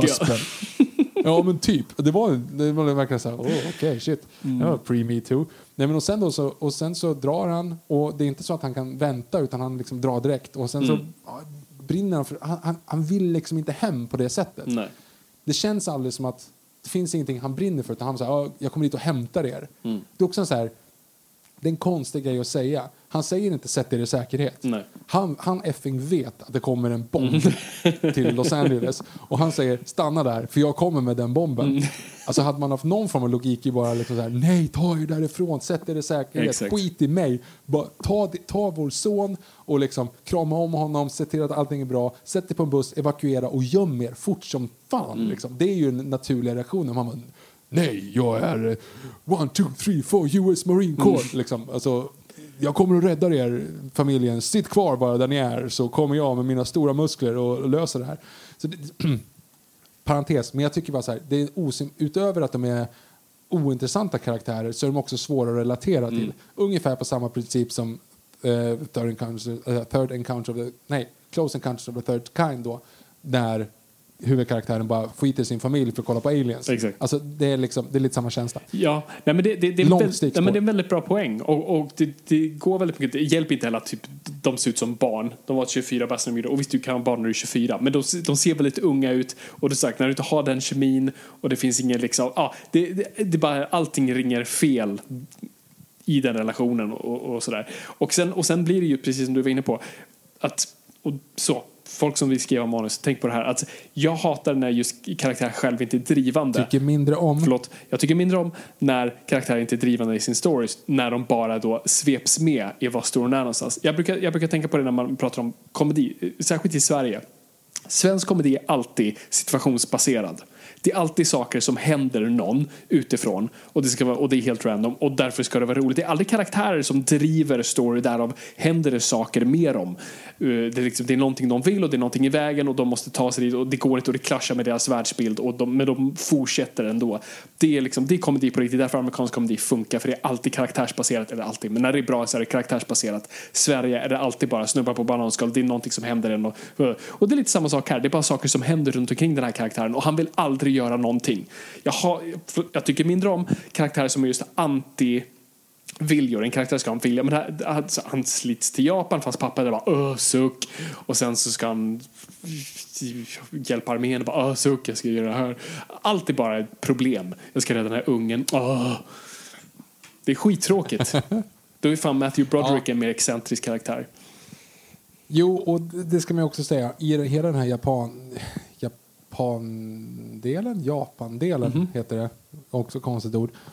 Då är jag fortfarande liksom lite grann med. För man, man, man följer ju, alltså man gillar ju Bryan Cranston i liksom i den världen han är, Ja. den här besattheten av liksom av Jo, han vill ju någonting och han har lite liksom, det har hänt honom saker som vi vet om så att han är ju den vi automatiskt klingar oss fast vid. Jo, men och därför, det är ungefär som Simba i Lejonkungen 2. Mm. Alltså, så här, varför, föl- varför är han ond? Alltså, så här, vi vill, vi vill tycka om honom. Varför har du gjort... Alltså, så här, varför ska vi... Det, det är som att byta fokus åt det sämre, fast det är samma karaktär i Lejonkungen. Men, men alltså, det, det, man, jag blir så här, men varför följer vi inte Bryan Cranston? Varför har vi inte Bryan Cranstons film det här istället? Liksom? Det har varit en mycket mer intressant story. Ja, och att döda av honom ge, fyller ingen funktion. Om inte han ska då liksom verkligen så här typ fylla i hans fotspår eller någonting. Och sen då sannolikheten att han inte fick tag på en mobiltelefon hela vägen från Japan till Hawaii. att han var tvungen att ringa på Hawaii och säga att han då han ringde en gång och hon svarade inte och talade in på telefon, telefonsvararen och, och försökte inte igen. Det är också en sån här, okej du försökte ju verkligen. Liksom. Men sen tror jag en stor grej som man ska komma till det är ju hur de porträtterar Godzilla. Ja. Eh, och där har du ju en så här, alltså jag hade nog, det här är en jättekonstig grej att säga i och med att jag jobbar på bank, men hade jag regisserat slash gjort den här så hade jag nog gjort exakt samma sak när det gäller reveals. Men sen när du liksom, för att jag gillar, alltså det är så jävla coolt, de använder ljuden, alltså ljuden är riktigt bra. Och det kommer till nästa film, då får säga ljuden är ho, holy diver. Men här är också ljuden bra. Och första scenen när du ser foten komma ner i det här hangaret. Du ser planet som exploderar och sen bara bam kommer den här liksom real kaiju have curves grejen. Eh, jättefoten och sen så ljudet och de ska börja slåss. Problemet är att de i tre tillfällen klipper bort i fel tillfälle. Och du har så här, hajen är en enkel del. För jag förstår, Gareth Edwards pratar mycket om hajen, precis som du nämnde. Alltså du ser inte hajen förrän mot slutet och att det är liksom det som bygger spänningen. Fine, men hajen är under vatten. Du kan liksom så här, perspektivet utifrån karaktären kan du fatta att du är liksom, oh shit, vart är den? Vart är den? Jag ser den inte och du ser bara fenan där någonstans och du kan klippa bort. Men du kan inte klippa bort när du har en full frontal Godzilla, googla inte. Mm. Och sen så klipper du bara bort till en tv-sändning istället för en annan karaktär. Vi byter karaktär mitt i. Så bara, va? Vänta lite här Mm. Exakt, nu. så vi får ändå Fick- typ se lite av fighten men på en pytteliten skärm. Och man bara, vad gör jag ser? Ja, men alltså, en bet- ett bättre sätt att göra det här, trots att man inte är filmmakare, så jag ska inte säga någonting, brasklapp återigen, Mm.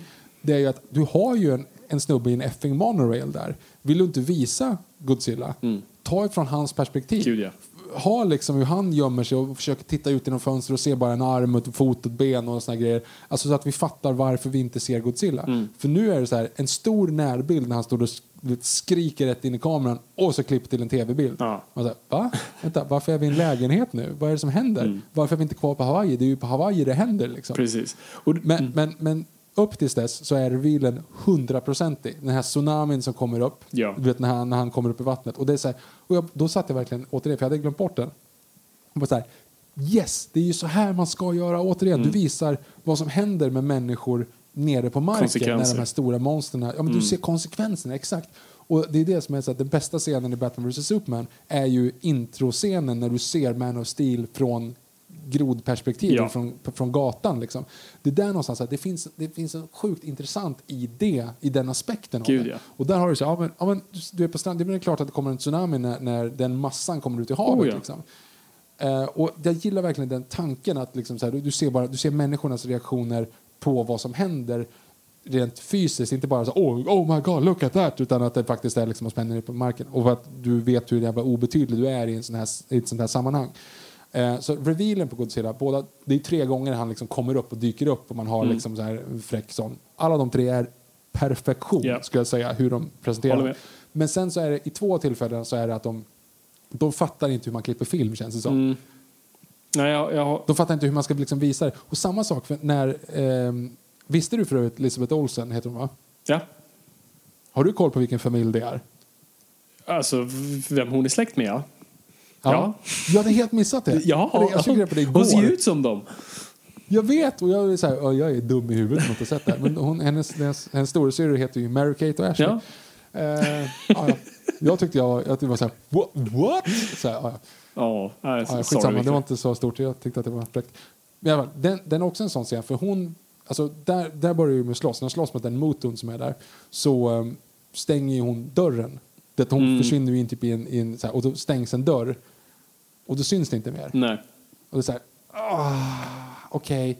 Hade- Men då är det så här, då måste du följa med henne ett tag till och Ja. höra eller uppleva liksom någon form. För det är så här, dörren stängs och då byter vi scen. Och då blir det lugnt igen. Så här, tempot är helt uppfackat. Hela Mm. Ja. filmen är, alltså som du sa, det, den är tråkig. Och den blir tråkig för att tempot aldrig, det är så här, ah, Mm. så här, och nu, nu, ah, så här, nu kanske, nej, alltså det blir, det blir liksom, det bygger upp och så bara dör och så bygger det upp och dör. Det blir, Mm. det blir liksom, du, du vilar för mycket helt enkelt. Ja, jag, jag håller helt med där. Eh, en detalj där jag, eh, eh, jag, vill fylla i som, som jag verkligen gillar är i hur Godzilla är, är porträtterad. Är, för det slog, slog mig den här gången också att Kaijuna, alltså både då motorn och Godzilla, är alltid filmad från perspektiv som en kamera kan finnas på. Vilket bygger till verkligheten så mycket mer. Det är aldrig en sån här Zack Snyder-kamera som sveper som så här, men aldrig, lite som i, i 98 Godzilla. Bara så här, du kan inte ställa en kamera där. Eh, här, är- här är typ alltid kameran typ exakt så här. Det, det är som att du är på plats och så här, ja, här kan vi stå, filma upp där. Ehm, det, jag älskar det för det är just, det är en sån här grej som människor aldrig tänker på men undermedvetet så uppfattar man hur verklighetstroget någonting är baserat på var faktiskt kameran är placerad. Och det tycker jag filmen faktiskt gör väldigt bra, väldigt konsekvent med att alltid göra. Eh, Så det gillar jag.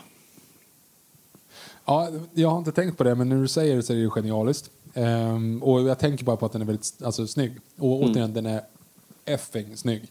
Ehm, man har lite så här stör, störningsmoment med att de äter atomenergi. Ja, just Eh, det. och att de typ så här käkar torpeder. Och man säger, men du, vet inte, du vet inte vad det där är för någonting. Du har levt under jorden i typ tusen år. Du skulle aldrig känna igen en atomubåt. Mm. Du vet inte hur man öppnar en missil. Alltså, det, är så här, det, ja, det är lite sånt som är så här, ja, ja, Nej. Hollywood Ja. atom eh, f- vetenskap inte riktigt, går inte hand i hand i den här filmen heller riktigt. Det är ju också så här hur nära de är vissa liksom, saker som de säger är radioaktiva. Så Okej, men du är ju körd.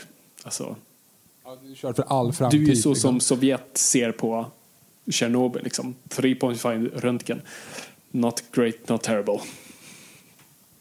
Eller så har du eh, den här grejen med ENPs också. Alltså Mm. slut, hur, hur liksom el fungerar. Ja, precis. Det är inte så att när den slutar, när den dör och EMPn försvinner så Nope. slår inte allting igång utan det är att säkringarna brinner. Det är Ja, det exakt, som EMP över. går ut på. Liksom.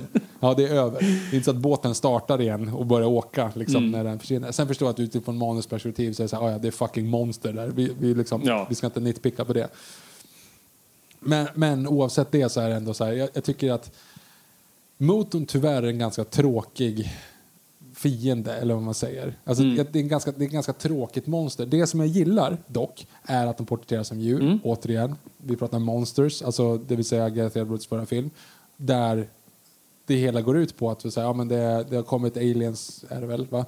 ursprungligen, och det har blivit en quarantinzon, att hela Sydamerika är typ alien country. Ja, exakt. Liksom, att ingen får vara där. Mm, typ. man har bara spelat in dem. Ehm, och man tänker att det är monster och att det är eh, såklart när man ser den första, första halva, film, halva filmen är bara så här, ah, de här stora monstren som äter människor. Sen tänker man kanske, vänta lite här, vem är det som egentligen är monster? För att de vill bara para sig.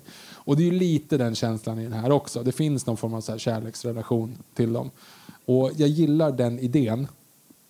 Och vilket gör att så här, men problemet bara med den idén är ju att Godzilla blir osympatisk. Godzilla blir som en jävla ja, här, kockblocker, men som kommer in och ska bara mörda dem för att de ska para sig. Mhm. Det finns liksom, alltså, det, det de gör i, i King of the Monsters är ju en annorlunda take på det, att Godzilla åker omkring och balanserar Ja, precis. världen. Det är alfa-struktur. Ja, alfastrukturen. Här verkar bara vara svin som säger ja, ni får inte finnas, går och mördar dem. Liksom.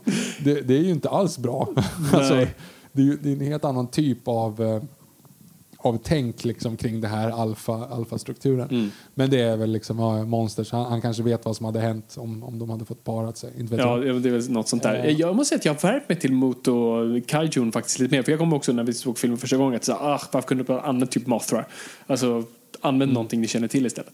Nu var jag lite så här, "Ah, jag tycker ändå så här, det är cool design ändå. De, alltså deras ljud är asball. Ljudet är fantastiskt. Eh, och jag ändå lite så här, ah, och jag tyckte ändå de var lite läskiga och, och just när de lägger ägg. Det är ju rätt kul hur många likheter det ändå är till 98 Godzilla. Inledningen är typ exakt likadan med liksom arkivbilder och de använder exakt samma atomexplosion vilket är roligt. Eh, typ den alla använder. Eh, Ja, det finns väl inte så många användare. Precis. Och sen att du då har, alltså typ Typ, den tickande klockan är att ditt monster har lagt ägg. Eh, och du måste typ spränga äggen. Så att det, det, det finns ändå några eh, likheter där. Men, eh, nej, men och kopplingen till, så, som du drog till monster var det jag också slogs nu när jag såg den här filmen igen. Bara så här, det skulle ha varit storyn. Alltså, och det är lite den Godzilla-filmen jag skulle vilja ha. Alltså Godzilla får oavsett vad om de gör en Godzilla-film så, så that's fine. Um, och gör det bra så är det, det bra. Men du vill verkligen ha de här karaktärerna. Det hade varit så coolt att ha de här myrorna karaktären som bara rör sig genom landskapet som är Godzillas och måste bara ta sig från punkt A till punkt B. Det hade varit typ den bästa filmen. Alltså typ en road movie fast typ ganska korta, kort distans där du ska ta dig, två karaktärer ska ta sig från punkt A till punkt B. Godzilla är iväg och det är ett stort jävla kaos där två kaijus fightas och det är skitsvårt att ta sig till säkerhet. Det hade varit en perfekt film. Bara så här simpelt, bra karaktärer och då fucking Godzilla i mitten. Mm. Ja, men som monsters. Som Monsters, Mm, exakt. Du skulle egentligen remakat den. Varför inte? Alltså det det Ja. hade jag föredragit. Fråga, vad tycker du om Godzillas läte i den här? Uh, jag, jag, alltså jag, jag kommer ihåg att jag såg trailern. Jag, jag, jag minns den som att trailern är bättre. För att ljudet är inte... Alltså så här, jag gillar ju det för att det låter lite mer liksom, djuriskt. Men det finns någonting när den pitchar. Mm. In, alltså början och slutet är asfräckt. Ja. Men det är någonting när det går högt Precis. som gör att det låter lite weird. Jag håller med. Eh. Det, det, för jag kommer ihåg när jag såg just trailern då de använde det ljudet. Och då var det det här utdragna. Och jag tänkte så ah, ja, men Mm. de gör ju det för att så här, det är som en cool effekt bara för att visa alla de här bilderna liksom. Det, det är Mm. en cool effekt för trailern. Och sen så kom filmen och jag kommer ihåg att ah, de använder det där. För det låter som ett instrument tycker jag. Jag tycker inte det låter så djuriskt i den där mittenpartiet. Utan det låter nästan som du vet, Jokerns tema i Dark Knight när du drar de här strängarna. Det är det det låter. Det låter för statiskt och det är en ton. Det har ingen liksom upp och nedgång. Det är bara just början ascool, slutet ascool. För det är de grejerna vi känner igen. Jag, jag vet inte, jag, jag, jag är inte ett fan. Nej, jag, tycker att den funkar fortfarande. Det är verkligen nitpick. Men, men eh, ljudet tycker jag oavsett är fantastiskt. Är det någonting mer du vill säga om den här filmen? Jag vill bara lägga till att jag gillar Godzillas personlighet i den här. Bortsett från att han är, en kakblocker. Men jag vet inte, det är någonting med hur han är animerad. Det finns en personlighet i Godzilla jag bara typ gillar. Mer än nästkommande är- film.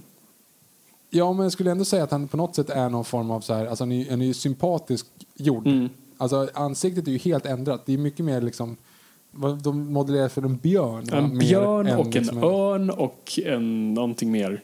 Det var massa För djur. huvudet är ju väldigt, väldigt litet i jämförelse med kroppen. Mm. Sett till hur den såg ut i originalversionerna. Liksom. Ja. För där har du ju som en alltså, rakt stående, en helt annan typ av liksom, jättehuvud med sån här cookie monster ögon. Det ser ut som Barney I the. Dino fast lite mer liksom, detaljerat. Ja, typ. Eh, jag gillar också för övrigt, jag ska bara säga designen på, på den här Godzilla var, alltså så här, när de, de gav till huvuddesignen, har du koll på det? Vad de gav för uppdrag? Mm, nej, tror inte det. Så här, tänk dig att Jo. några filmproducenter på Toho 1954 såg det här djuret Mm. och bara åh herregud och så sprang de hem och typ ritade av det och gjorde, modellerade Godzilla-modellen 1954 efter det de såg. Mm. Så försök att liksom backtracka den, gör den modellen verklig som att det är Precis. ungefär så de skulle komma ihåg den. Liksom. Mm. Det är ju jävligt Det är ascoolt. Och det är det jag gillar också med den här Godzillan. Det är just så här, den ser verklig ut. Men den ser verk- jag tycker den ser ut att funka. Det är det, alltså 98 Godzillan ser ju bara ut som ett jävla, de har slängt ihop några djur i en mixer och någonting kom ut. Eh, den ser inte ut att funka alls. Såklart, ingen Godzilla skulle funka, men den ser verkligen inte ut att funka. Den här ser typ ut ändå i den realiteten som den här bild, filmen bygger så tycker jag att den här Godzillan är så här, det makes sense. Mm. Men vi kan gå på nästa. Vi går på nästa. Innan vi går på nästa ska man bara lägga in här att det här var ju den första filmen i det så kallade, jag, jag har så av någon anledning Monarch-serien, det kanske den inte heter för det är ju det, alltså det företaget som de jobbar på, Monarch. Mm. Eh, men det heter väl Monsterverse eller något sånt där. Så kom ju Kong, Skull Island då däremellan. Och eh, den har vi recenserat både, eller vi har pratat om Kong i vårt eh, Kong-avsnitt som heter King Konga av någon jävla anledning. Och sen eh, avsnittet efter så recenserade vi den Mm. tillsammans med Logan och Beauty and the Beast. Ja. av någon anledning. Bra triple bill. Ja, exakt. Så lyssna på det om ni är intresserade av, av King Kong, alltså Kong Skull Island. Eh, ska säga, Sticks, minigrejen på Kong Skull Island, vad den gjorde som inte Godzilla gjorde, det var ju att det var en romp. Det var en ren actionfilm från Ja. sekund ett till sekund, ja, hur många sekunder det var. Mm. Jättekonstigt sagt. Men det var bara så här, det var monster, det var full frontal monster hela tiden. Och det var, de bara slogs och det var liksom, John C. Reilly var där. Mm. Men i övrigt så var det bara så här, det var, det var bara action och effektbonanza deluxe. Liksom. Mm. Du, skulle bara, du skulle bara vara på Skull Island. Du var inte intresserad av någonting annat än Nope. bara liksom en romp. Och den var visuellt jättesnygg Yes. men kanske inte så mycket liksom att tugga på utöver det. Nej, men den kändes Men- ändå som den gjorde. Den, den var liksom enhetlig i sin vision, röst och vad den ville göra. Och därför köpte man den mer än vad man kanske gjorde just Godzilla innan. För den kändes lite mer som ett hopsläng. Men nu kommer vi då till, jag tror att det här kommer vara lite grann en vattendelare Okej. mellan nörden och jag. Eh, för det, det kom ju då en, den efterlängtade uppföljaren, Godzilla, King of the Monsters. Och du ser redan direkt i promotionmaterialet en helt annan färgkod. Ja, alltså den är helt blå liksom. Eh, och du Oj, ser vad ju i blå. första trailern. Ja, och du ser i trailern liksom att det, det är väldigt mycket liksom... Det, det, nu, är vi, nu är vi på något sätt så här, okej, vi, har, vi har klarat av det där första jävla försöket liksom. Nu har vi satt upp allt det, nu ska vi leka med leksakerna vi har liksom inhandlat och bara suttit och väntat på julafton och äntligen få öppna paketen. Mhm. Liksom, vi har vetat vad som har funnits i paketen hela tiden, vi var ju tvungna att få FBN låtsas och öppna en i taget. Men nu får vi leka med dem. Vi har liksom, jag trodde faktiskt inte att de skulle gå FN King Ghidorah. I det här universumet så är det liksom en... Alltså det är grundat i verkligheten på något sätt. På Ja. ett sätt som, som, inte, som inte de andra är. Utan det är mycket aliens och sådana saker i, i japanska versionen. Men nu är, det liksom, nu är vi på jorden och det är urordliga, ur, svårt att säga, uror, uråldriga djur som har funnits för flera typ, tusen år sedan. Och de, de balanserar jorden och naturen och jada jada jada. Förutom Ghidorah som är en alien. Ja men exakt, och det är det jag kom, tänkte komma till. För då tänkte man att okej, King Ghidorah passar inte in i det här. Mm. Liksom, någonting är jävligt fel med att en trehövdad drake liksom sprutar blixtar. Mhm. Ehm, så det är ju weird. Men, nu kommer vi till det här nu då. För då är det, helt plötsligt så kör de en all out, big floppy donkey dick. Alla monster ska slåss. Rodan tar de tillbaka, Ja. vilket jag inte heller trodde. Man sa what?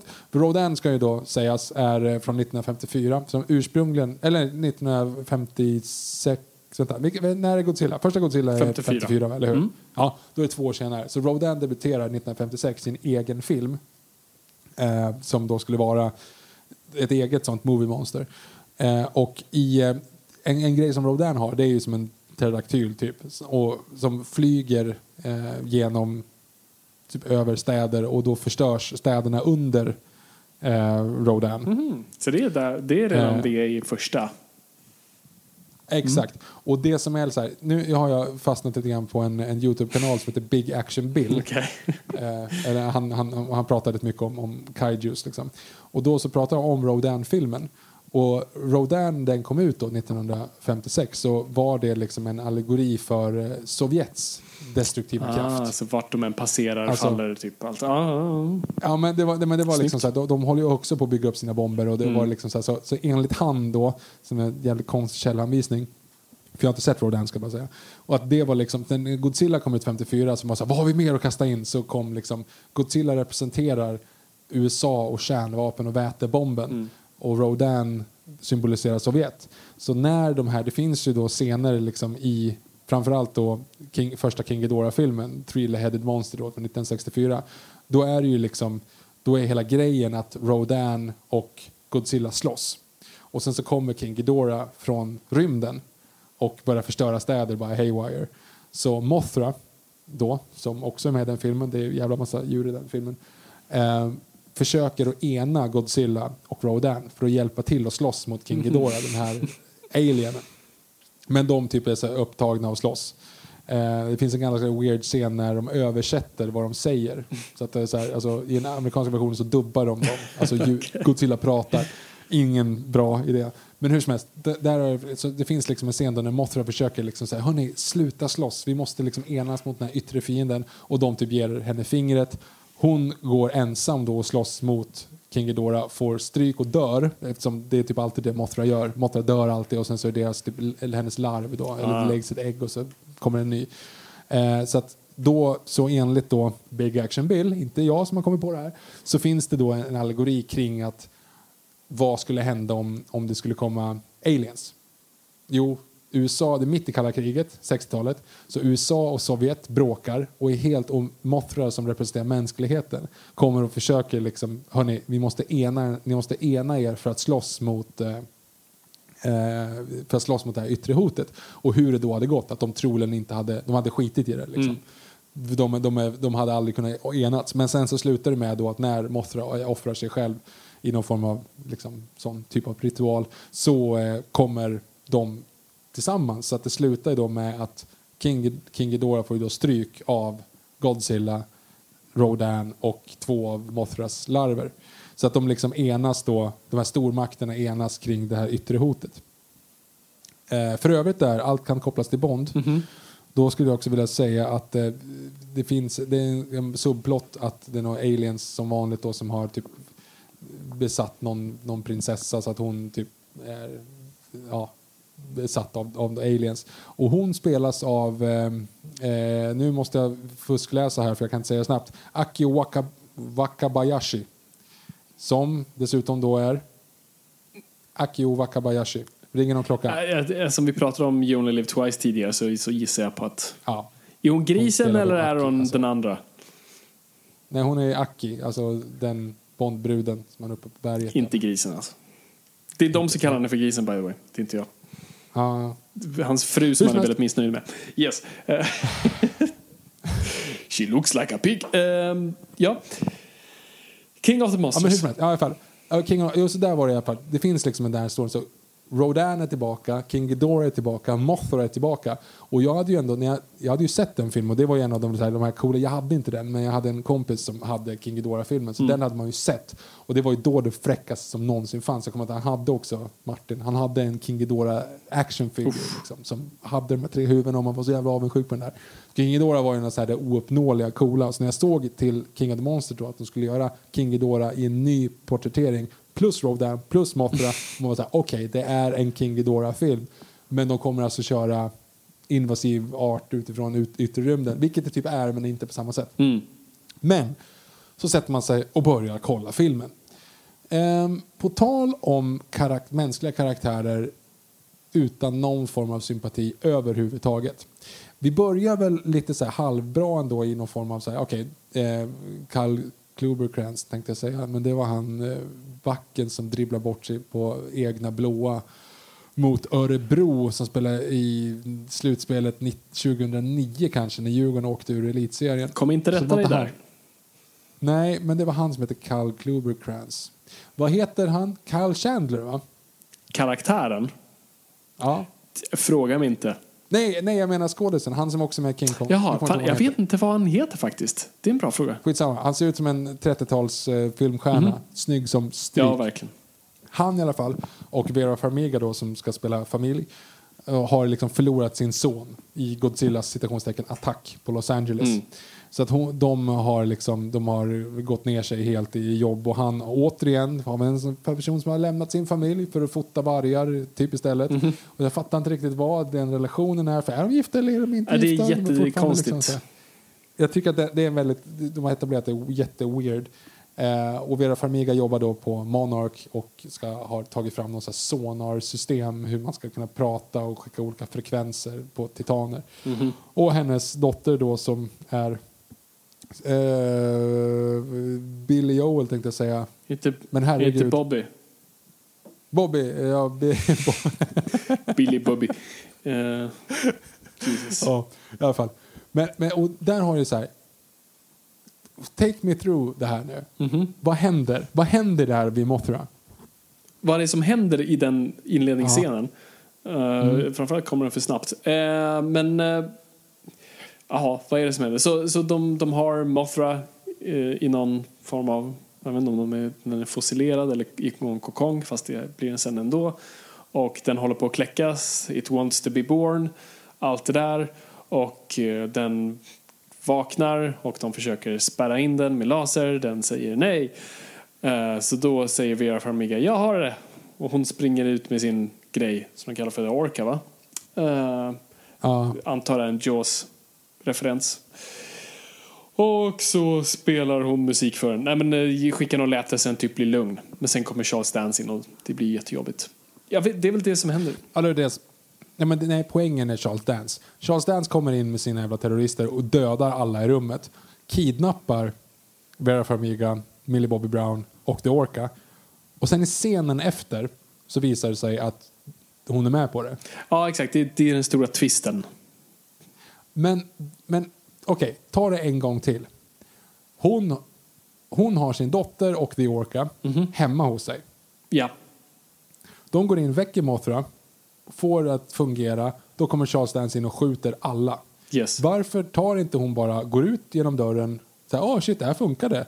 Och sen går hon och knackar på hemma hos dem och så åker hon dit. Varför måste hon iscensätta den här kidnappningen? För att... Jag vet inte. Och jag bryr mig inte. Alltså jag, jag, det är det. Den här filmen kunde jag inte ens lägga den här hjärnkapaciteten på. För att jag, jag tycker den här... Det är en sån konstig film. Jag har sagt det typ om alla filmer. Det här är en konstig film. Det här är också en konstig film. Nu när jag så överkompenserar den något enormt mot första. Alltså den inleder ju med Godzilla. Alltså det börjar med skriket. mm. Sen så är det bara full frontal Godzilla. Googla inte. Um, och det är det den här filmen gör. Den bara kastar allt på skärmen. Så den vill inte bara ge oss ett klassiskt eh, monster. Utan det som du säger, vi får Mothra, vi får Rodan och vi får eh, King Ghidorah. Och sen försöker de ju också säga, ah, folk gillar inte karaktärerna så vi, vi kastar in karaktär. Vad gillar folk? Folk gillar Stranger Things. Okej, okay, men ta in henne. Och eh, det enda de ger typ så här, ah, hur ger vi typ lite djup så här, ah, men ah, ja, vi har typ Tiffany, så här, ge dem en frukost, ser charmig, hon typ kan inte laga frukost. Det gillar Folk skrattar, gör det bara. Ring, ring eh, Emmerich. Ehm, och det är det, liksom. det, vi får tre minuter karaktär och sen så är vi tillbaka till ruta ett igen där, där vi också har så här, folk som bara hamnar i situationer, fädrar som inte, som inte bryr sig om sina barn och eh, vi är tillbaka på ruta ett igen. Men vi bara jättemycket mer monsters och jättemycket mer full frontal. Eh, Ken Watanabe är ju tillbaka. Det gillar vi ju Eh. förvisso. Det är ju en välkomnande återkomst. Jag, jag gillar, ja, precis, det, det är lite grann det som, det är han som typ för, för filmen på det sättet. För det är liksom, Mm. det finns någon form av det är, det är en weird grej för man skulle bara räkna på det. För hans pappa dog uppenbarligen i Hiroshima. Ja.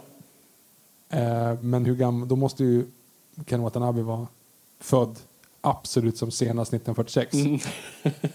Vilket gör att det här inte riktigt funkar tidsmässigt. Men som sagt, vi har effing stora monster som äter varandra så det, det är väl kanske inte det Precis. Vad är tid egentligen? sitter.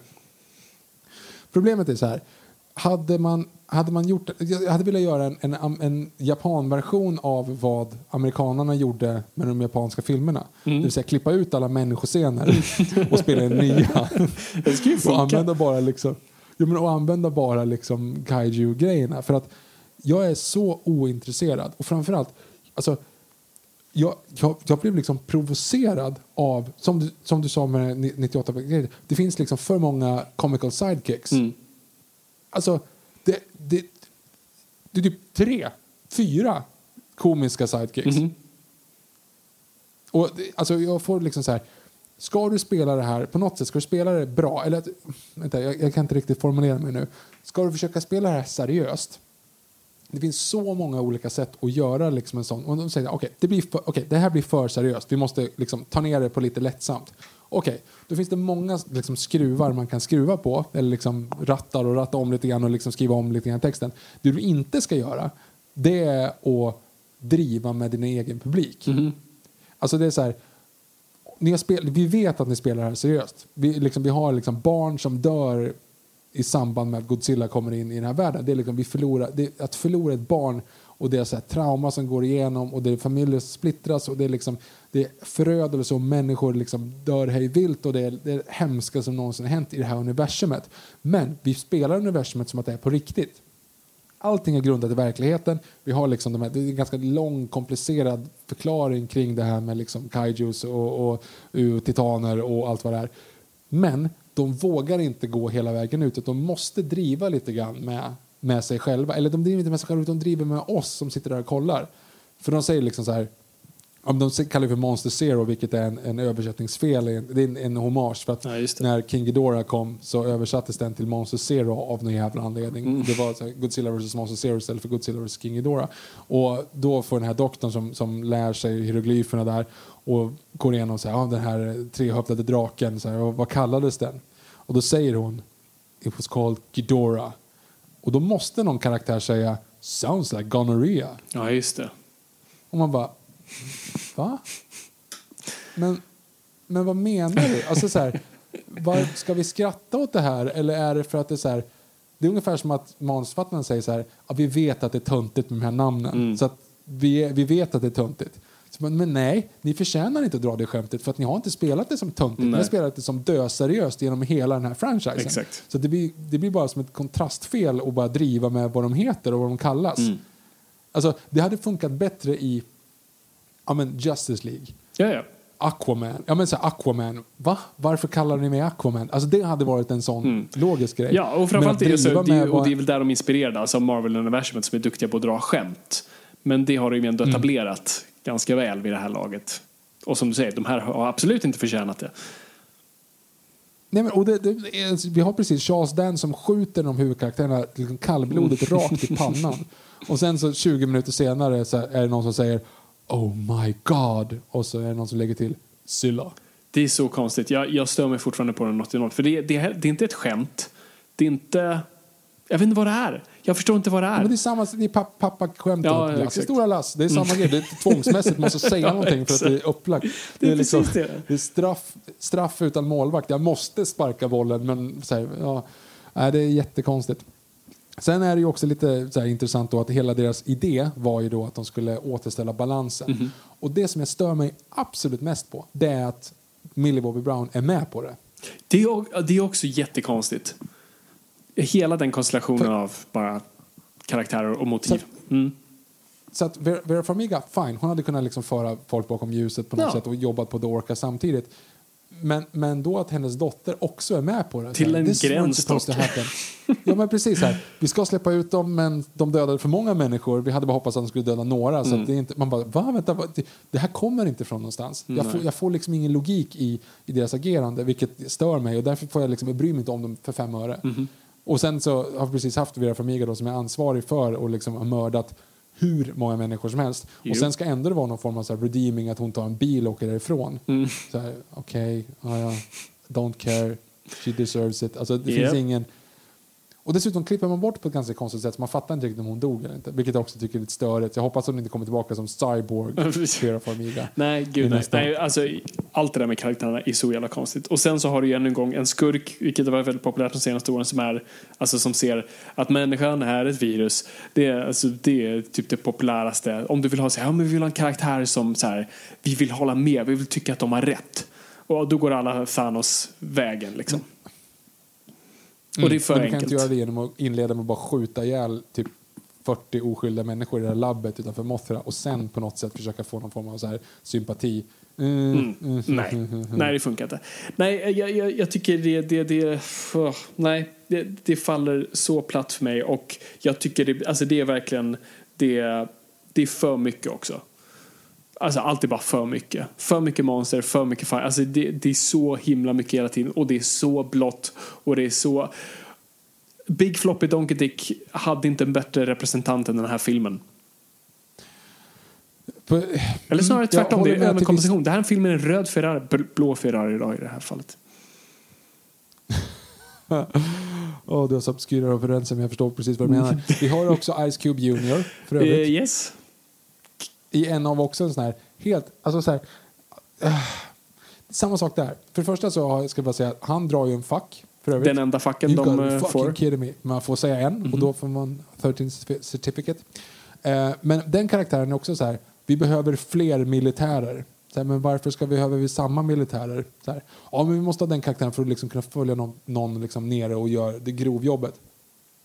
Men där är också en sån här grej. Han är tok-ironisk hela tiden. Och för övrigt en ganska dålig skådis. Ja. Alltså, jag menar, alltså, Straight Outta Compton, han gör ju ett jävligt bra jobb i den måste Jag säga. sett. För just att spela sin farsa. Mm. Ja, grym film, men alltså, han gör ju ett, ett bra jobb i den. Men här känns det som att han var så här, foaming it in. Men, men scenen i bilen.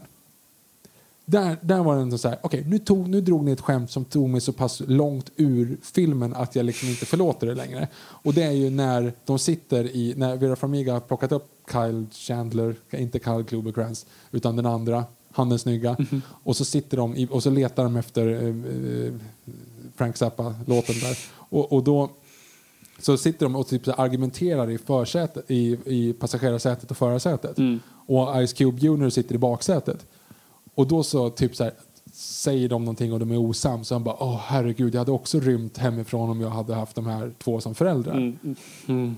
Men det är i mitt av en fucking titanfight. Hon har precis ansvaret för att mörda typ en miljon människor. Och han är lite sur på det. Ja, jag förstår det. Mm. Jag förstår att de är lite osams. Det är liksom inte så jättekonstigt. Och ändå så måste man säga, oh, jag hade också rymt hemifrån om de, om de var mina föräldrar. Uh, nej, Mm. det, va? Det- Alltså det är så här, skärp dig. Jag, jag blev, då, blev jag, då blev jag liksom bara typ provocerad. Och sen så blir det så här, wait, what did you say?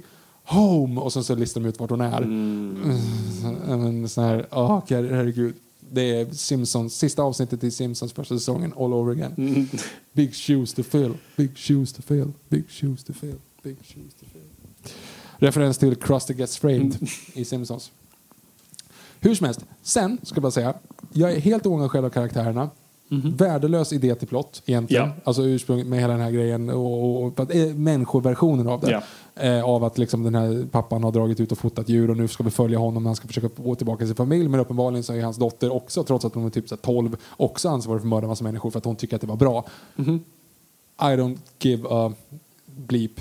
Men sen ska man minnas tillbaka. Så här, jag har suttit 10-15 gånger och sett Godzilla vs. Mechagodzilla från 1974 och då tittat på ja, men, dåligt dubbade japanska mumbo jumbo scientists som har pratat i ja, men, 90 minuter för att se 10 minuter Godzilla fight liksom.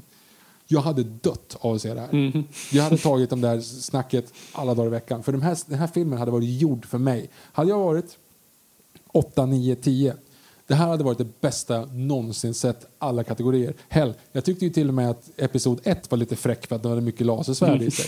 Alltså förstå och se den här Ja, gud, som ja. åttaåring. Nej. Problemet är bara att jag kommer inte kunna visa min son den här för att jag kommer ju måste börja med liksom de här rubber suits för att han inte kommer explodera och inte kunna se den här så efteråt. Mm. För du kommer aldrig kunna få någon att se Jurassic Park typ efter att ha sett den här för du kommer vara helt understimulerad av att det bara är så få nej, det går dinosaurier. inte. Jag, jag, jag tänker alltid på Kevin Smiths, jag kommer inte ihåg hur, hur han leder upp till det, men jag, jag älskar det liksom. Hur, varför Disney inte återanvänder sina liksom, klassiska Musse Pigg-karaktärer. Liksom, There is porn on the internet, fuck your Mickey Mouse. Ja, det, det är lite det jag tänker också. liksom, det, har gått för långt redan. Vi kan inte Och det imponeras. här är väl definitionen av det i så fall. Mm. Men, men sen kommer så här, första gången jag såg den här så såg jag den typ uppdelat på, för det första så, jag blev, fick ju barn då i samband med att den här gick upp på bio. Så jag såg den aldrig på bio. Mm. Jag kom liksom, tänkte säga, jag kom aldrig ifrån men jag ville inte komma ifrån heller. Jag tyckte inte att det var speciellt prioriterat. Men det här är ju en uppenbar biofilm. Ja, ja. Man ska ju se den med bästa bild, bästa ljud och IMAX allting. deluxe. Så första gången jag såg den så såg jag den uppdelad på typ tre på telefonen. Vilket är taskigt. Eh, mellan nattningar liksom. Men nu såg jag den på tv åtminstone. Alltså på riktigt, det var liksom sent på kvällen, mörkt runt omkring, krämigt ljud. Och alltså, jag ska säga att det är inte, jag ska inte säga för stora ord för att det låter för positivt. Men ljuddesignen är fan med femstjärnig.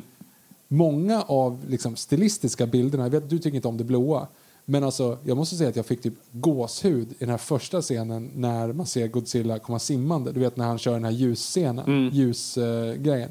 det var så inåt helvete coolt. Alltså bra ljud, bra bild på den. Och det, och det här bara blinkande ljuset. Man bara wow! det, det var så helsk- helsike coolt. Jag visste inte vad jag skulle ta vägen. Jag var lite grann så här, lite tillbaka på liksom, Viktor åtta år och ser Mechagodzilla skjuta eh, missiler ur knäna. Alltså, det var så inåt helvete häftigt. Och där ska man också säga, första Godzilla-filmen, hans första Atomic Breath. Vet, boom, det börjar ladda upp och man följer liksom så här ryggen upp. Då är man helt där. Då har man glömt bort att Kickass inte tycker om sina barn. Alltså, den, är, den är riktigt, riktigt fräck. Och där har du den också. Det blir lite mycket i den här kanske. Men eh, jag gillar också egentligen på något sätt att, är, att han är liksom typ en invas, invasiv art, King Ghidorah. Att han kommer någon annanstans ifrån. Och att det är liksom därför Godzilla är ute efter att ta bort honom. Det är mer logiskt än att, att han ska ta bort liksom Pork and the Motos egentligen. för att care less. Men, men nu är det liksom ändå någon form av, liksom, det är någonting som stör i ekosystemet. Den idén gillar jag. Men sen blir den här grejen med orka och ljudsystemet och allting bara så, "Åh, men herregud. Ja. Så att jag orkar inte. Och sen så är det ju hela grejen att de ska restarta honom med en jävla eh, bomb och, och något undervattenstempel och någon, bygger upp någon lore som jag vet inte vad det är. Och Hollow Earth, hur fick man in den? här? Ja, den, den teorin bara kastar de in lite sådär. Sen ska man ju också säga det. Alltså, nu kom, bara därför kommer jag inte riktigt ihåg egentligen storyn bakom första Godzilla. Men han väcks ju av, alltså han, han vaknar av Atomic Nuclear Tests, eller vät, vätebomberna. Men i den här så är det så här, ja, han, han försökte dödas av det. Eller? För det är det de säger. Att de försökte döda were- honom that, med... That wasn't, that, that wasn't tests, they were trying to kill Mm. it. Det var det som de försökte göra. Eh, Så att egentligen har den ingenting med, med atombomben att göra. Han är nukleär, men han har ingenting med atombomben att göra. Nej. Så att egentligen kommentaren på, är, är borta. Det är bara liksom monstervomp egentligen. Fast det är det som är konstigt, för, att i, för i, då, som säger, i första Godzilla, alltså 2014, så säger de det är, ja precis, they, they were trying to kill it eller vad det nu var. I den här filmen säger de att det typ väckte honom. Ja, woke up. Ja, att det var snarare det, det drog upp honom. Vilket jag tycker på nästan är en bättre förklaring av att helt plötsligt var vi en alfa som var värd att Mm. ko- bara kolla läget. Så här, vad fan händer där uppe? Nu måste jag checka vad fan är det som händer. Eh, det, Mm. det, det på något sätt funkar bättre. Och i, passar bättre parallellt med just kärnvapen och konsekvenser och sånt där. Ja, nej men så här. Om man ska summera King of the Monsters. Det är eh, visuellt på många ställen otroligt snyggt. Ljudmässigt är bland det bästa jag har hört. Alltså bland det bästa jag sett, det är så konstigt att säga i den aspekten. Men ja, bland det bästa jag har hört på film. om man säger så. För att ljuden är så inåt helvete snyggt gjorda. Eh, värdelöst regisserad. Alltså, för det känns som att alltså, det, det är för bra skådisar för att, för att det blir så här mayhem liksom. Ehm, men, men, men i någon form av så här, om man tänker som ett, ett slutbetyg så hamnar jag i jag borde inte bry mig. Jag borde bara hänga med. Mm. Och då är det svårt att sätta någon form av så här viktigare betyg. Jag hade ju velat att de ska kommentera någonting för att jag har blivit bortskämd med det här nu. I mitt huvud så ska Godzilla säga någonting. Mm. Och menar, det finns hur mycket saker som helst att säga. Framförallt nu. Alltså nu måste man tänka så här, alltså, vi kommer ju komma in på Godzilla vs Kong nu snart efter tre timmar eller vad fan vi har spelat in. Men nu har vi ju ännu mer i och med corona och du vet, vi har ju hur mycket saker som helst i världen som har hänt. Mm. Alltså, använd det. Det är ju det som är det roliga, eller roliga, men det är det som är det intressanta med att göra film. Du, liksom, film är en, en tolkning av någonting annat. Liksom. Mm. Det, är inte, det är inte bara eskapism, det, är det, är faktiskt, det går ju faktiskt att göra, säga någonting med Ja. det. Men, men Ja. tror du inte att de, de moderna Godzilla har ändå någon form...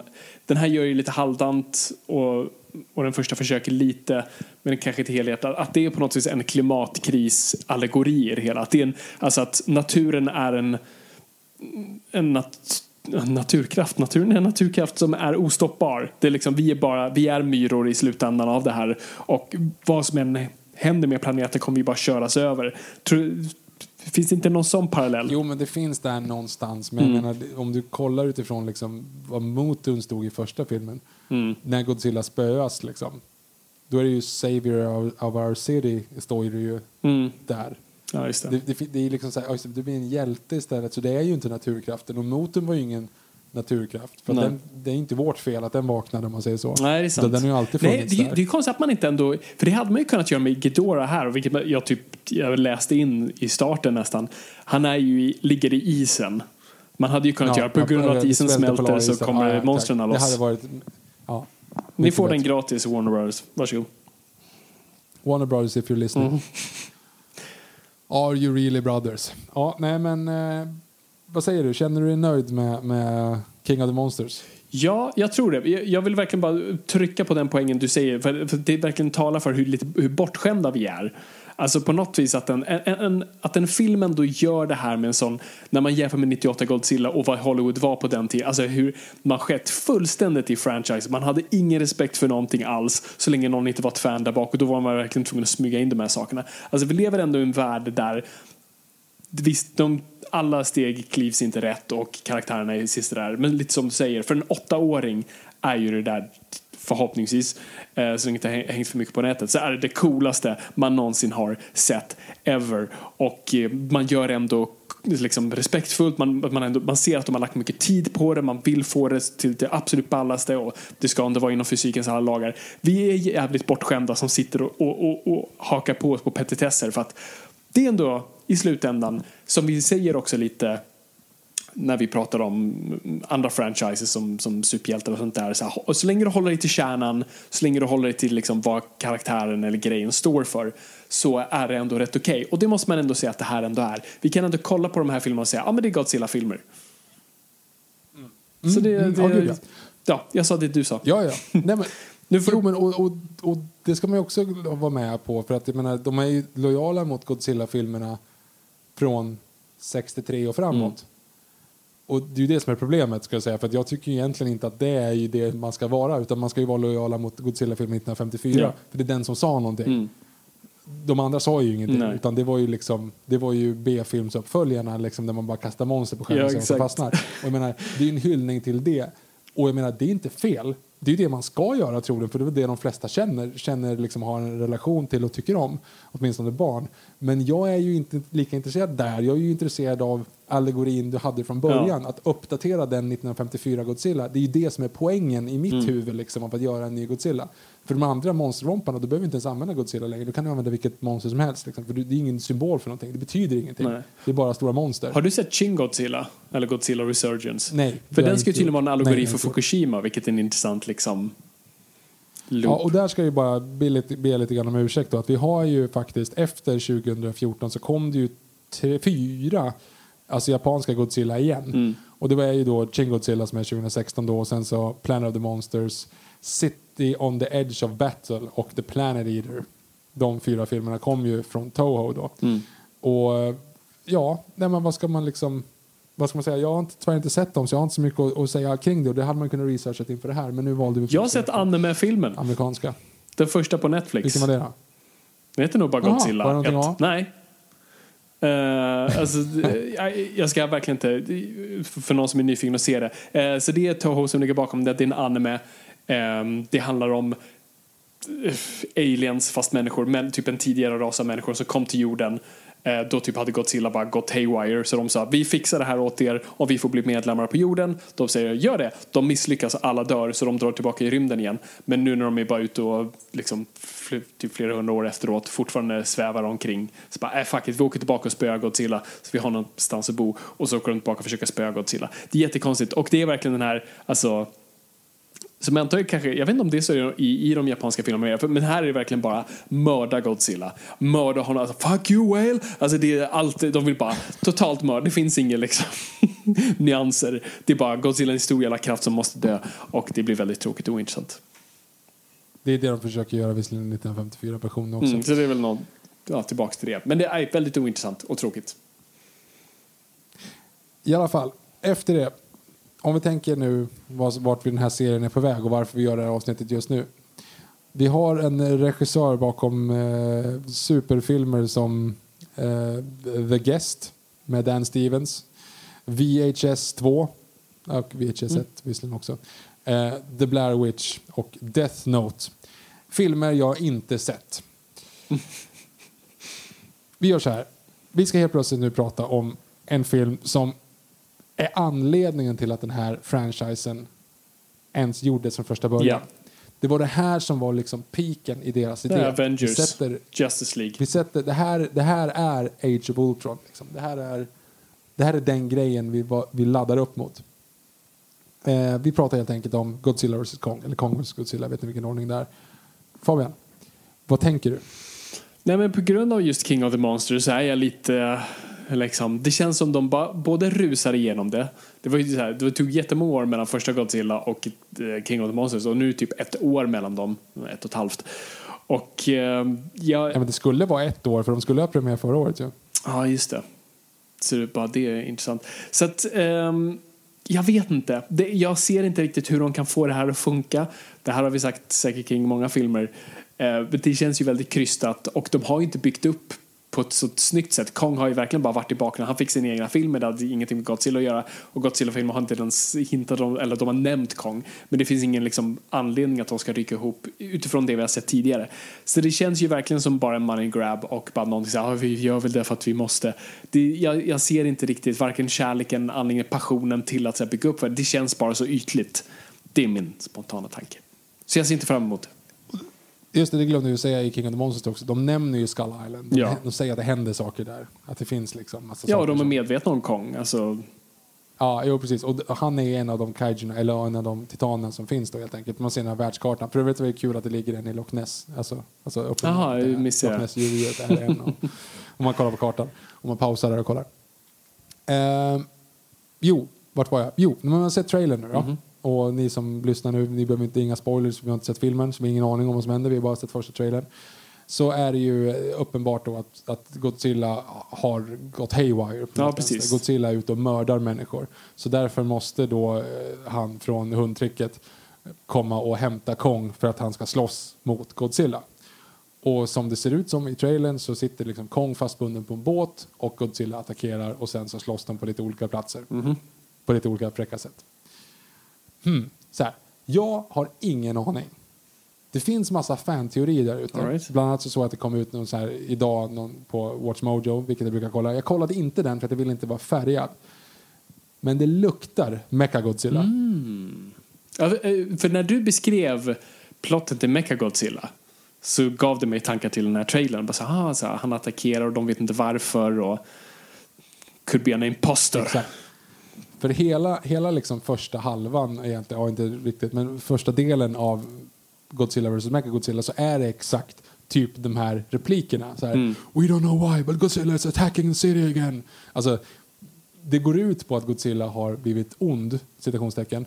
Och nu så måste de liksom så lösa, försöka, de, de, de skjuter och förstör och det händer ingenting. De fattar inte vad de ska göra. De är liksom, varför har Godzilla vänt, vänt sig emot Mm. oss? Tills det då börjar liksom lossna hudbitar och det visar sig att det är Mechagodzilla under. Ehm, men då är ju frågan, frågan är om det är det här som kommer vara. Och om jag liksom så här, utan att ha sett filmen, bara tänker från mitt perspektiv, då har vi inte, än så länge har vi inte sett, vi har inte sett typ någonting utifrån senare delen av filmen. Mhm. Troligen.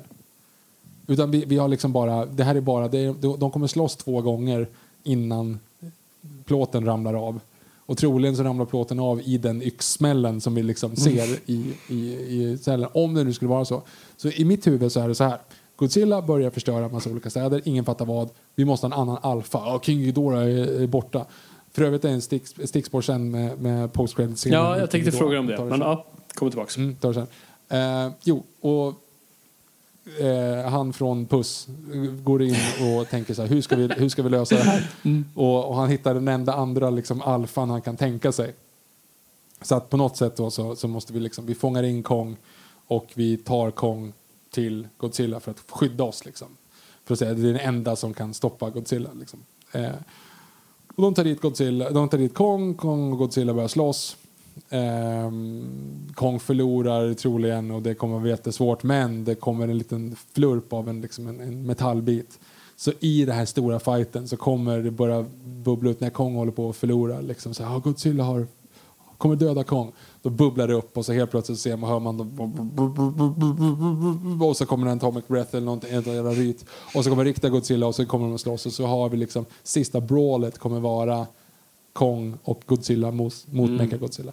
Det, det hade, så hade jag gjort. Säger Nej, så. men jag, jag, jag, jag kan köpa det. Jag, jag, jag, jag tycker det låter som en, en vä- värdig teori. Eh, Jag kommer inte argumentera emot den. Eh, Det vore ascoolt. Jag bara tycker Godzilla rör sig för nästan... Här, jag vet bara hur löser man robotgrejen? Det, det är nästan för absurt med den här verklighetstrogna Christopher Nolan-eska universumet man byggt upp. det. Har någon suttit och byggt en superrobot någonstans? Det känns väldigt weird. Och det är där det får mig liksom... Jag skulle typ, förutom namnet, om de bara inte kallar typ att det är en klon eller någonting. Att Charles Dance har suttit och gjort en klon någonstans. Alltså för det är ju där, post-credit-sekvensen då i, i King of the Monsters är ja, Charles Dance som köper på svarta marknaden en, ett King Ghidorah-huvud. Dött. Exakt. Så vad tror du där då? Och det är ju, ja, men det är ju Mecha King Ghidorah. Det finns ju Mecha King Ghidorah också. Ja, herregud. Alltså, Jesus. ja, jag vet. jag vet. Men, men det är ju för att King Ghidorah är ju, kan ju uppenbarligen i det här universumet regenerata sig själv. Så lyckas de bara... Men det liksom, skyller de ju på Alien. För, och det tyckte jag ändå var bra, alltså att det är en Alien. Alltså, för när jag, jag kommer ihåg när Ja. jag såg det också bara så här, alltså, hur, nu är vi liksom way beyond än en gång fysikens och allas former av lagar. Och då är det en throwaway line. Så ja, det är en alien. Så okej, fine. Jo, men och då har du ju så här, lyckas han på något sätt aktivera cellerna i den där så kan de bygga upp en ny King Ghidorah från det där Mm. huvudet. Det är väl tanken åtminstone när det ska vara den liksom post-credit Ja, Och då är ju frågan om de kommer göra det i den här eller om de kommer spara det till ja precis. Blir annat. det, det, det, För det skulle ju kunna vara det också. Det skulle ju kunna vara, alltså om man nu, nu har jag gått all in på, på Mechagodzilla. Det kanske inte är så utan det kanske är Kong vs Godzilla och sen så kommer då King Ghidorah ja, det tillbaka. här är Batman vs Superman innan Justice League. Ja, och så, exakt. Och, det, när, och de står där och liksom han, ja, Godzilla har Kong med foten på halsen och så Must save Mothra. Why Just did det. you say that name? ja. Den memen har cirkulerat. Eh, för, mm, exakt, för de, har ju, de hintar ju i, post, eller i End Weekends där i King of Monsters att Mothras nya ägg har hittats. Eller ett nytt Mothra-ägg har hittats. Säger de det? Mm, eller det står på en, en, eh, en, Ah. en tidningsrubrik. Jag missade den. Egg found. och det är alltid så det går till. Ja. Det är alltid så. Mothra dör och så hittas ett ägg och så kläcks två larver eller en larv Just ut där. Larverna med och slåss och så blir det Mothra på slutet. Ja, ja varför att, inte? mm.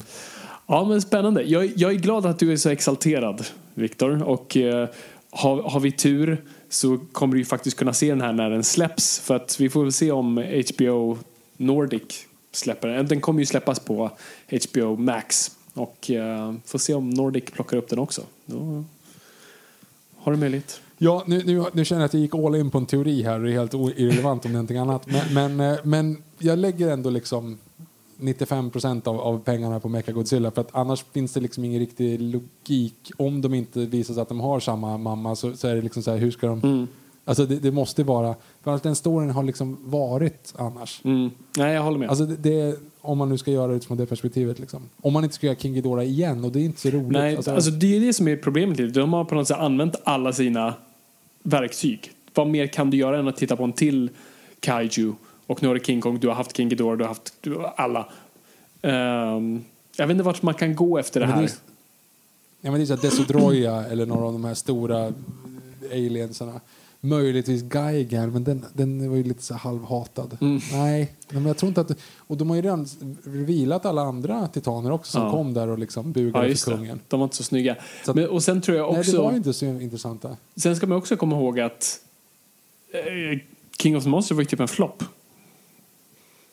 Ja, just det. Eh, då- men Kong var ju i produktion så det var ju så här, no way of turning back. Och nu i Corona, hej framtiden, eh, så, så kommer ju den här automatiskt inte få tillbaka sina pengar utan den kommer ju bli bara en, eh, vad kallar man det? Eh, vad, vad, säger man om, om eh, heroin? Eh, nej, just det, det som leder till heroin. Halloween. Nej, jag menar som en så här, det här gateway drug. Eh, det här blir bara som gateway drug till HBO Max. Så jag undrar, de kanske, och det vore kanske det bästa att de nu bara säger så, nu är vi klara för stunden i alla fall. Vi kommer, det är klart att Godzilla aldrig kommer på något vis inte finnas, men just den här franchisen kanske bara lägger lite paus på tills vidare. Möjligt.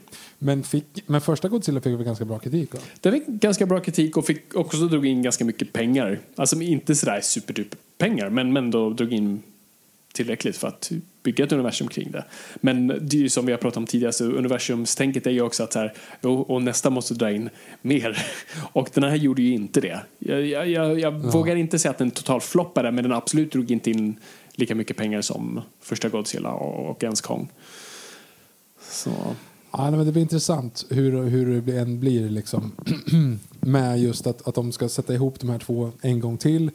Och jag, jag är ju, jag är rädd, för jag har ju sett att um, Hour of... Mm.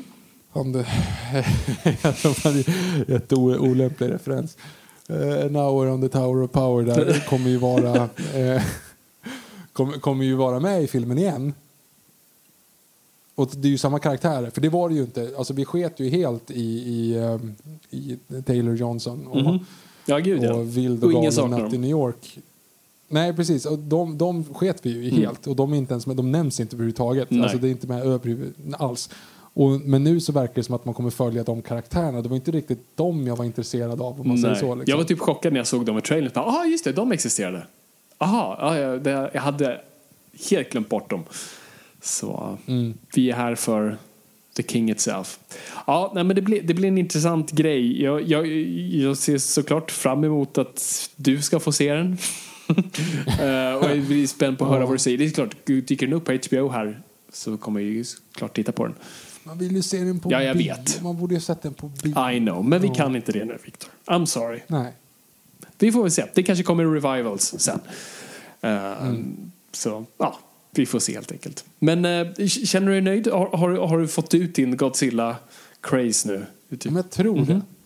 Jag tror det. Men jag, jag bara säger så här. Det, ni, ni aspirerande filmskapare slash manusförfattare där ute. Mm. Ja, Victor tittar på mig. Ja. Ni har ju läge här nu. Reboota Godzilla i modern kontext. Skit i att det är just Godzilla. Ni, liksom, det finns så mycket stories att berätta. Precis som vi pratade om Star Wars kring eh, New Order. New Order? Nej, First Order. Blue Monday, First Order.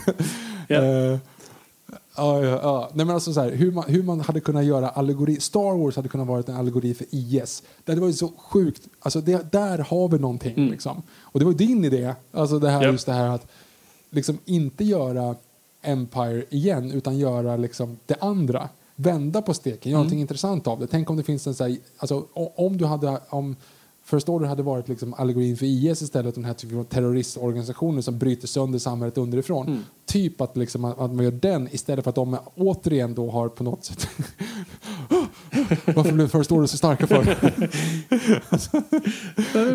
Den grejen, Unga liksom. radikala som eh, kämpar för någonting de inte ens var med om. Alltså, det, det hade varit det coolaste. Eftersom de hade väldigt unga personer i de rollerna dessutom. Det hade varit så mycket bättre. Ja.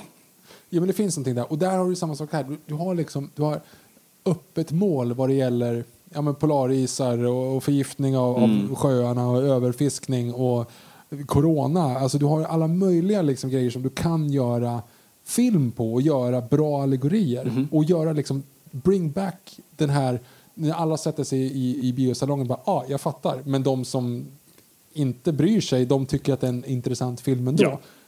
Det finns någonting där. Gör jag det, hör dig Viktor, jag går till SF imorgon. Bamse vs Godzilla, got it. Han har, okej, han har gått. Okej, jag tror vi har det Viktor. Jag tror vi Jag tror har det här. Och eh, ni som undrar nu ey, när kommer Zack Snyder-grejerna? Eller DC-grejerna? Det kommer, det kommer, det kommer härnäst. Så håll, håll i hatten. Shit, det blir DC-månad efter det här. Så håll utkik, gott folk. Nu, nu, nu kör vi.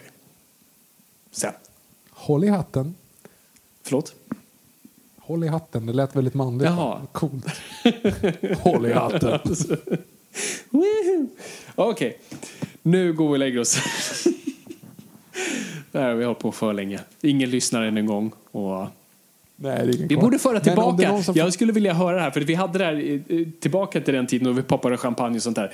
Då, om folk var kvar så fanns det ett hemligt ord som vi ville att folk skulle höra sig av med. Så Ja, är ni kvar så vill vi se i kommentatorsfältet på Instagram. Men det finns hashtag också på Instagram, eller på Twitter för den som vill. Jag är trött. Eh, Men på avsnittsbilden till det här avsnittet så vill vi se termen. Vad vill vi, vad vill vi höra, Viktor? Jag vet att vi förut hade fläktrem. Okej, men något kopplat till det här avsnittet kanske. ja, just det. Ja, det var inte helt ologiskt. Alltså just att man kommenterar det så kommer det se ut som att man är liksom ett troll som bara har kastat ut som ett random ord. Eh, ja, ja, ja, det är för sent på kvällen. Jag är inte kreativ. Nej, inte jag heller. Jag har ett, ehm, eh, Gio versus Kong. Varsågod. Gio, men folk kan inte stava till Nej, det Gio. är sant. Ja, men ska vi köra Bamse versus Godzilla då? Ja, Fast det kommer... Ja.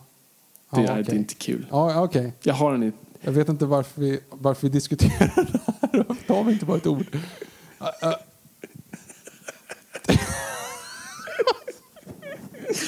Det här är så sorgligt. Åh, Vi förtjänar inte ha en det podcast, illa. Alltså det här kommer sluta med att vi kommer reboota det här avsnittet om fyra Ja, år också. Eh, Okej, jag, jag tycker folk ska skriva reboota skiten. Om, Ja. om ni har stannat kvar, om ni stannar kvar, för det kommer vara jätteroligt för de som läser kommentarsfältet och inte har fattat kontexten. Och alla skriker, skriver reboota skiten. Det, det vore jättebra. ja. Reboota skiten är veckans term. ja, bra. Alla ni som är kvar nu. Ni två, snälla. kom- Alla ni två, exakt. Hej mamma. Eh, Skriv reboota skiten i kommentarsfältet på Instagram på den här posten så får vi se hur många som faktiskt lyssnar klart på här avsnitt. Åh gud. Ah, Ja, ring släktingar Viktor. Nu, nu går vi hem. Det gör vi. Okej, vi bommar igen det här. Tack så jättemycket för att ni har lyssnat. Det är kul att vara lyssnad. Men kom ihåg gott folk, ingenting är för nördigt.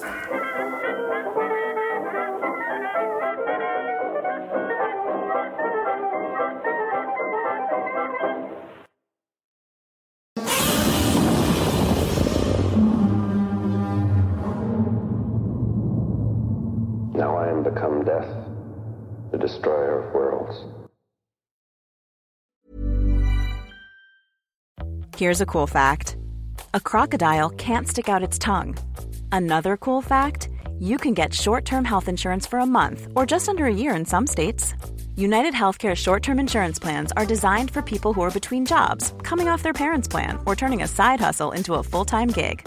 Underwritten by Golden Rule Insurance Company, they offer flexible, budget friendly coverage with access to a nationwide network of doctors and hospitals. Get more cool facts about United Healthcare short term plans at uh1.com. Planning for your next trip? Elevate your travel style with Quince. Quince has all the jet setting essentials you'll want for your next getaway, like European linen, premium luggage options, buttery soft Italian leather bags, and so much more. And is all priced at 50 to 80% less than similar brands. Plus, Quince only works with factories that use safe and ethical manufacturing practices. Pack your bags with high-quality essentials you'll be wearing for vacations to come with Quince. Go to quince.com slash pack for free shipping and 365-day returns.